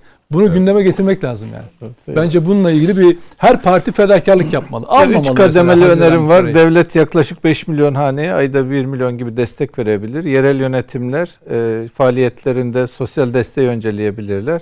Üçüncüsü de yani milletin zengininden kaynak toplayıp Türkiye'de ya da dünyada yardım yapan sosyal e, yardım kuruluşları da Peki. e, destek kuruluşları da daha çok iç piyasaya yönelebilirler. Peki. Önerilerim Hocam e, bu KDV indiriminin de açık e, onu e, Sayın Cumhurbaşkanı açıkladı ama siz Ekonomi Bakanı'nın, e, Hazine ve Maliye Bakanı'nın toplantısında mıydınız? Katıldım. Oraya da davet edilmiştiniz.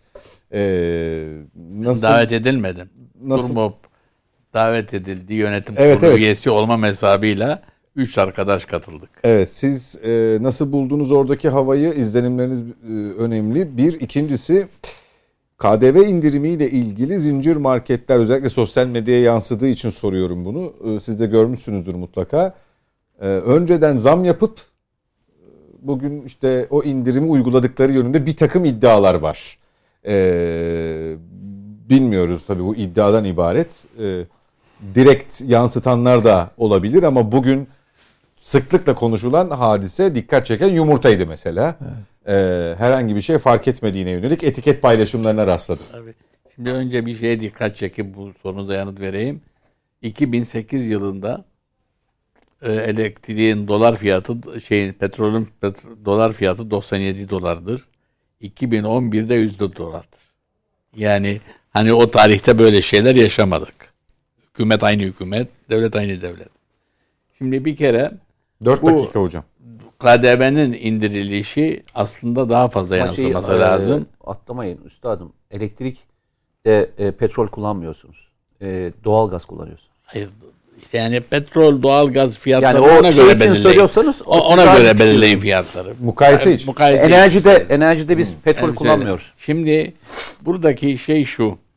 Ee, bir kere ee, KDV yüzde yedi inmedi. Yüzde yedi nokta yedi indi. Çünkü o KDV'yi indirecek olan ee, market finansmanını da yüzde on olarak düşünüyorum. Yüzde yedi buçuğun üzerine indirim yapılması gerekir. Devlet onlara KDV almamakla o kadar da finansmandan kurtarmış oldu. Çünkü malı alırken ödüyorlar ya. Bir kere bunu dikkat etmeleri gerekir. Bu birkaç gün içinde de düzelmesini kimse beklemezsin. Neden? Çünkü bu KDV'ler indirilince bütün Türkiye'de bütün Türkiye'de şu anda yazar kasaların ona göre düzenlenmesi gerekir. Yani hemen bir günde olmaz. Yarın bazılarında olur, bazılarında çarşamba günü olur. Ee, onun için bu aralarda fazla alım yapmazlarsa alımlarını biraz geçtik biraz ucuzlarlar. Ama bir realite var. Bu artış KDV'den yalnız kaynaklanmadı. Yani ben bunu söyledim. Yine de söylüyorum. Bir mekanizma var. Tıpkı bizim 2001 krizine giderken içimizde olan bedemediğimiz bürokrasinin yönlendirmesiyle bakanları da aşan bir yapı var. Bu ani fiyat artışı bence bu iktidarı e, başarısız göstermek için yine kendi işlerinden Nedim Bey söyledi galiba yanındakiler hani yapar dedi. Yapıldı nasıl İhanet yapıldı? olmaz dedi. Nasıl yapılır? Bir kere o dövizin aniden 18 liraya fırlaması bu ekonomiyi yöneten Ama hiç onları görmediğimiz mekanizmanın nasıl olduğunu araştırıp bulsunlar. Ve bazı şeylerde gerekirse Cumhurbaşkanına fikir gelebilir. Cumhurbaşkanına bile hayır efendim yapmamalıyız denmelidir. Eğer denmezse bu iş böyle kötüye gider. Eğer döviz aniden 18 liraya çıkmasaydı, Türkiye'de bütün fiyatlar hurra deyip kendi pozisyonu bugünkü fiyatlar gelmeseydi şu anda pahalılık olmayacaktı. Döviz yönü diye 13 liraya değil mi şu anda? 13.500 liraya ama fiyatlar düşmedi. Yapılan benzin zamları da düşmedi, mazot zamları da düşmedi. Nasıl anlatıldı? Efendim fiyatlar yüksek ya yüksek ama kur düştü. Türkiye'de yılların birikimi hani eskiden başarılı izleyenler kurları düşük tutmak demek yabancı enflasyonu ithal etmemek demektir. Sınır kapısında tutmak demektir. Hani ani eski adıyla devalüasyon yapılınca artık tutamıyorsun aniden oluşuyor. Şimdi Türkiye'de tıpkı benzetme olmasın ama 27 Mayıs ihlaline bizi götüren şey aniden kurun yükselmesi. 18 ise hocam. yükselmesi. Burada da böyle bir şeyi bu iktidar adına demokratik sistemde acaba yapabilir miyiz diye düşündüler ve yaptılar. Bu şu anda da çözüm diye önerilenler de yanlış. Fiyatlar düşer mi düşer. Nasıl düşer? Böyle devlet yardım etsin derken de eşsizlik yaratıyoruz. Yani birisi e, ücreti yüksek diye ondan elektrik fiyatını yüksek alalım. Diğerinin ücreti düşük diye elektrik fiyatını almayalım bir şey olmaz. Sosyal yardım yapılacaksa, sosyal bir e, destek verilecekse herkese eşit çözüm bulunması gerekir. İhsan Bey'in söylediği ve bunun, daha makul. E, ve bunun bunun yolu biraz evvel elektrikte verdiği örnektir Nedim Bey'in. Kamu işletmeciliğine önem vermek lazım. Yani Türkiye'de kamu işletmeciliği sıfıra yakın indiği için rahatlıkla dışarıdaki güçler Türkiye'de de unutmayın yani Türkiye'de şu anda büyük dediğimiz bütün AVM'lerde şurada burada ciddi bir yabancı sermaye vardır. Ve bu yabancı sermaye zaten ilk geldiği yıllarda karını götürmüştür. Karıyla Türkiye'de şu an yani ana parasını götürmüştür geri karıyla oynuyor Türkiye'de. Aldığı risk düşüktür. Bunu dikkate alması gerekir. Ama bu konularda biraz evvel e, Mete Bey'in verdiği hani ampul değiştirin. Bu e, dolar yükseldiği yurt dışındaki enerji fiyatları mukayeseleri bizim akılcı çözüm bulmamızı engelliyor. Aslında akılcı çözüm vardır. Bu toplantıda katıldığımda e, Maliye Bakanı coşkuluydu. Maliye Bakanı iyi anlatıyordu. Ama e, çok etkisi oldu mu fazla? Çıkarken ben böyle insanlara baktım. Böyle bana konuşmaları, bakışları filan. Yani dinledik gittik noktasında baktılar. En önemli, en önemli etkiyi hayata yansımalarında göreceğiz Şimdi tabii. orada Cumhur Maliye Bakanı şu e, sloganı Bitirmek verdi. durumundayım hocam. Slogan şuydu. Birlikte bereket vardır. Hı hı. İşte ama o birlikteliği nasıl sağlayacağımızla ilgili şu anda çözüm yolu yok. Peki. Hocam çok teşekkürler. İhsan Aktaş teşekkürler. Katıldığınız için Nedim Şener, Mete Yarar haftaya bekliyoruz inşallah yine. Bu haftada programı noktalamış oluyoruz efendim. Önümüzdeki hafta pazartesi saatler 20.45'i gösterdiğinde yeniden birlikte olmak dileğiyle. Hoşçakalın.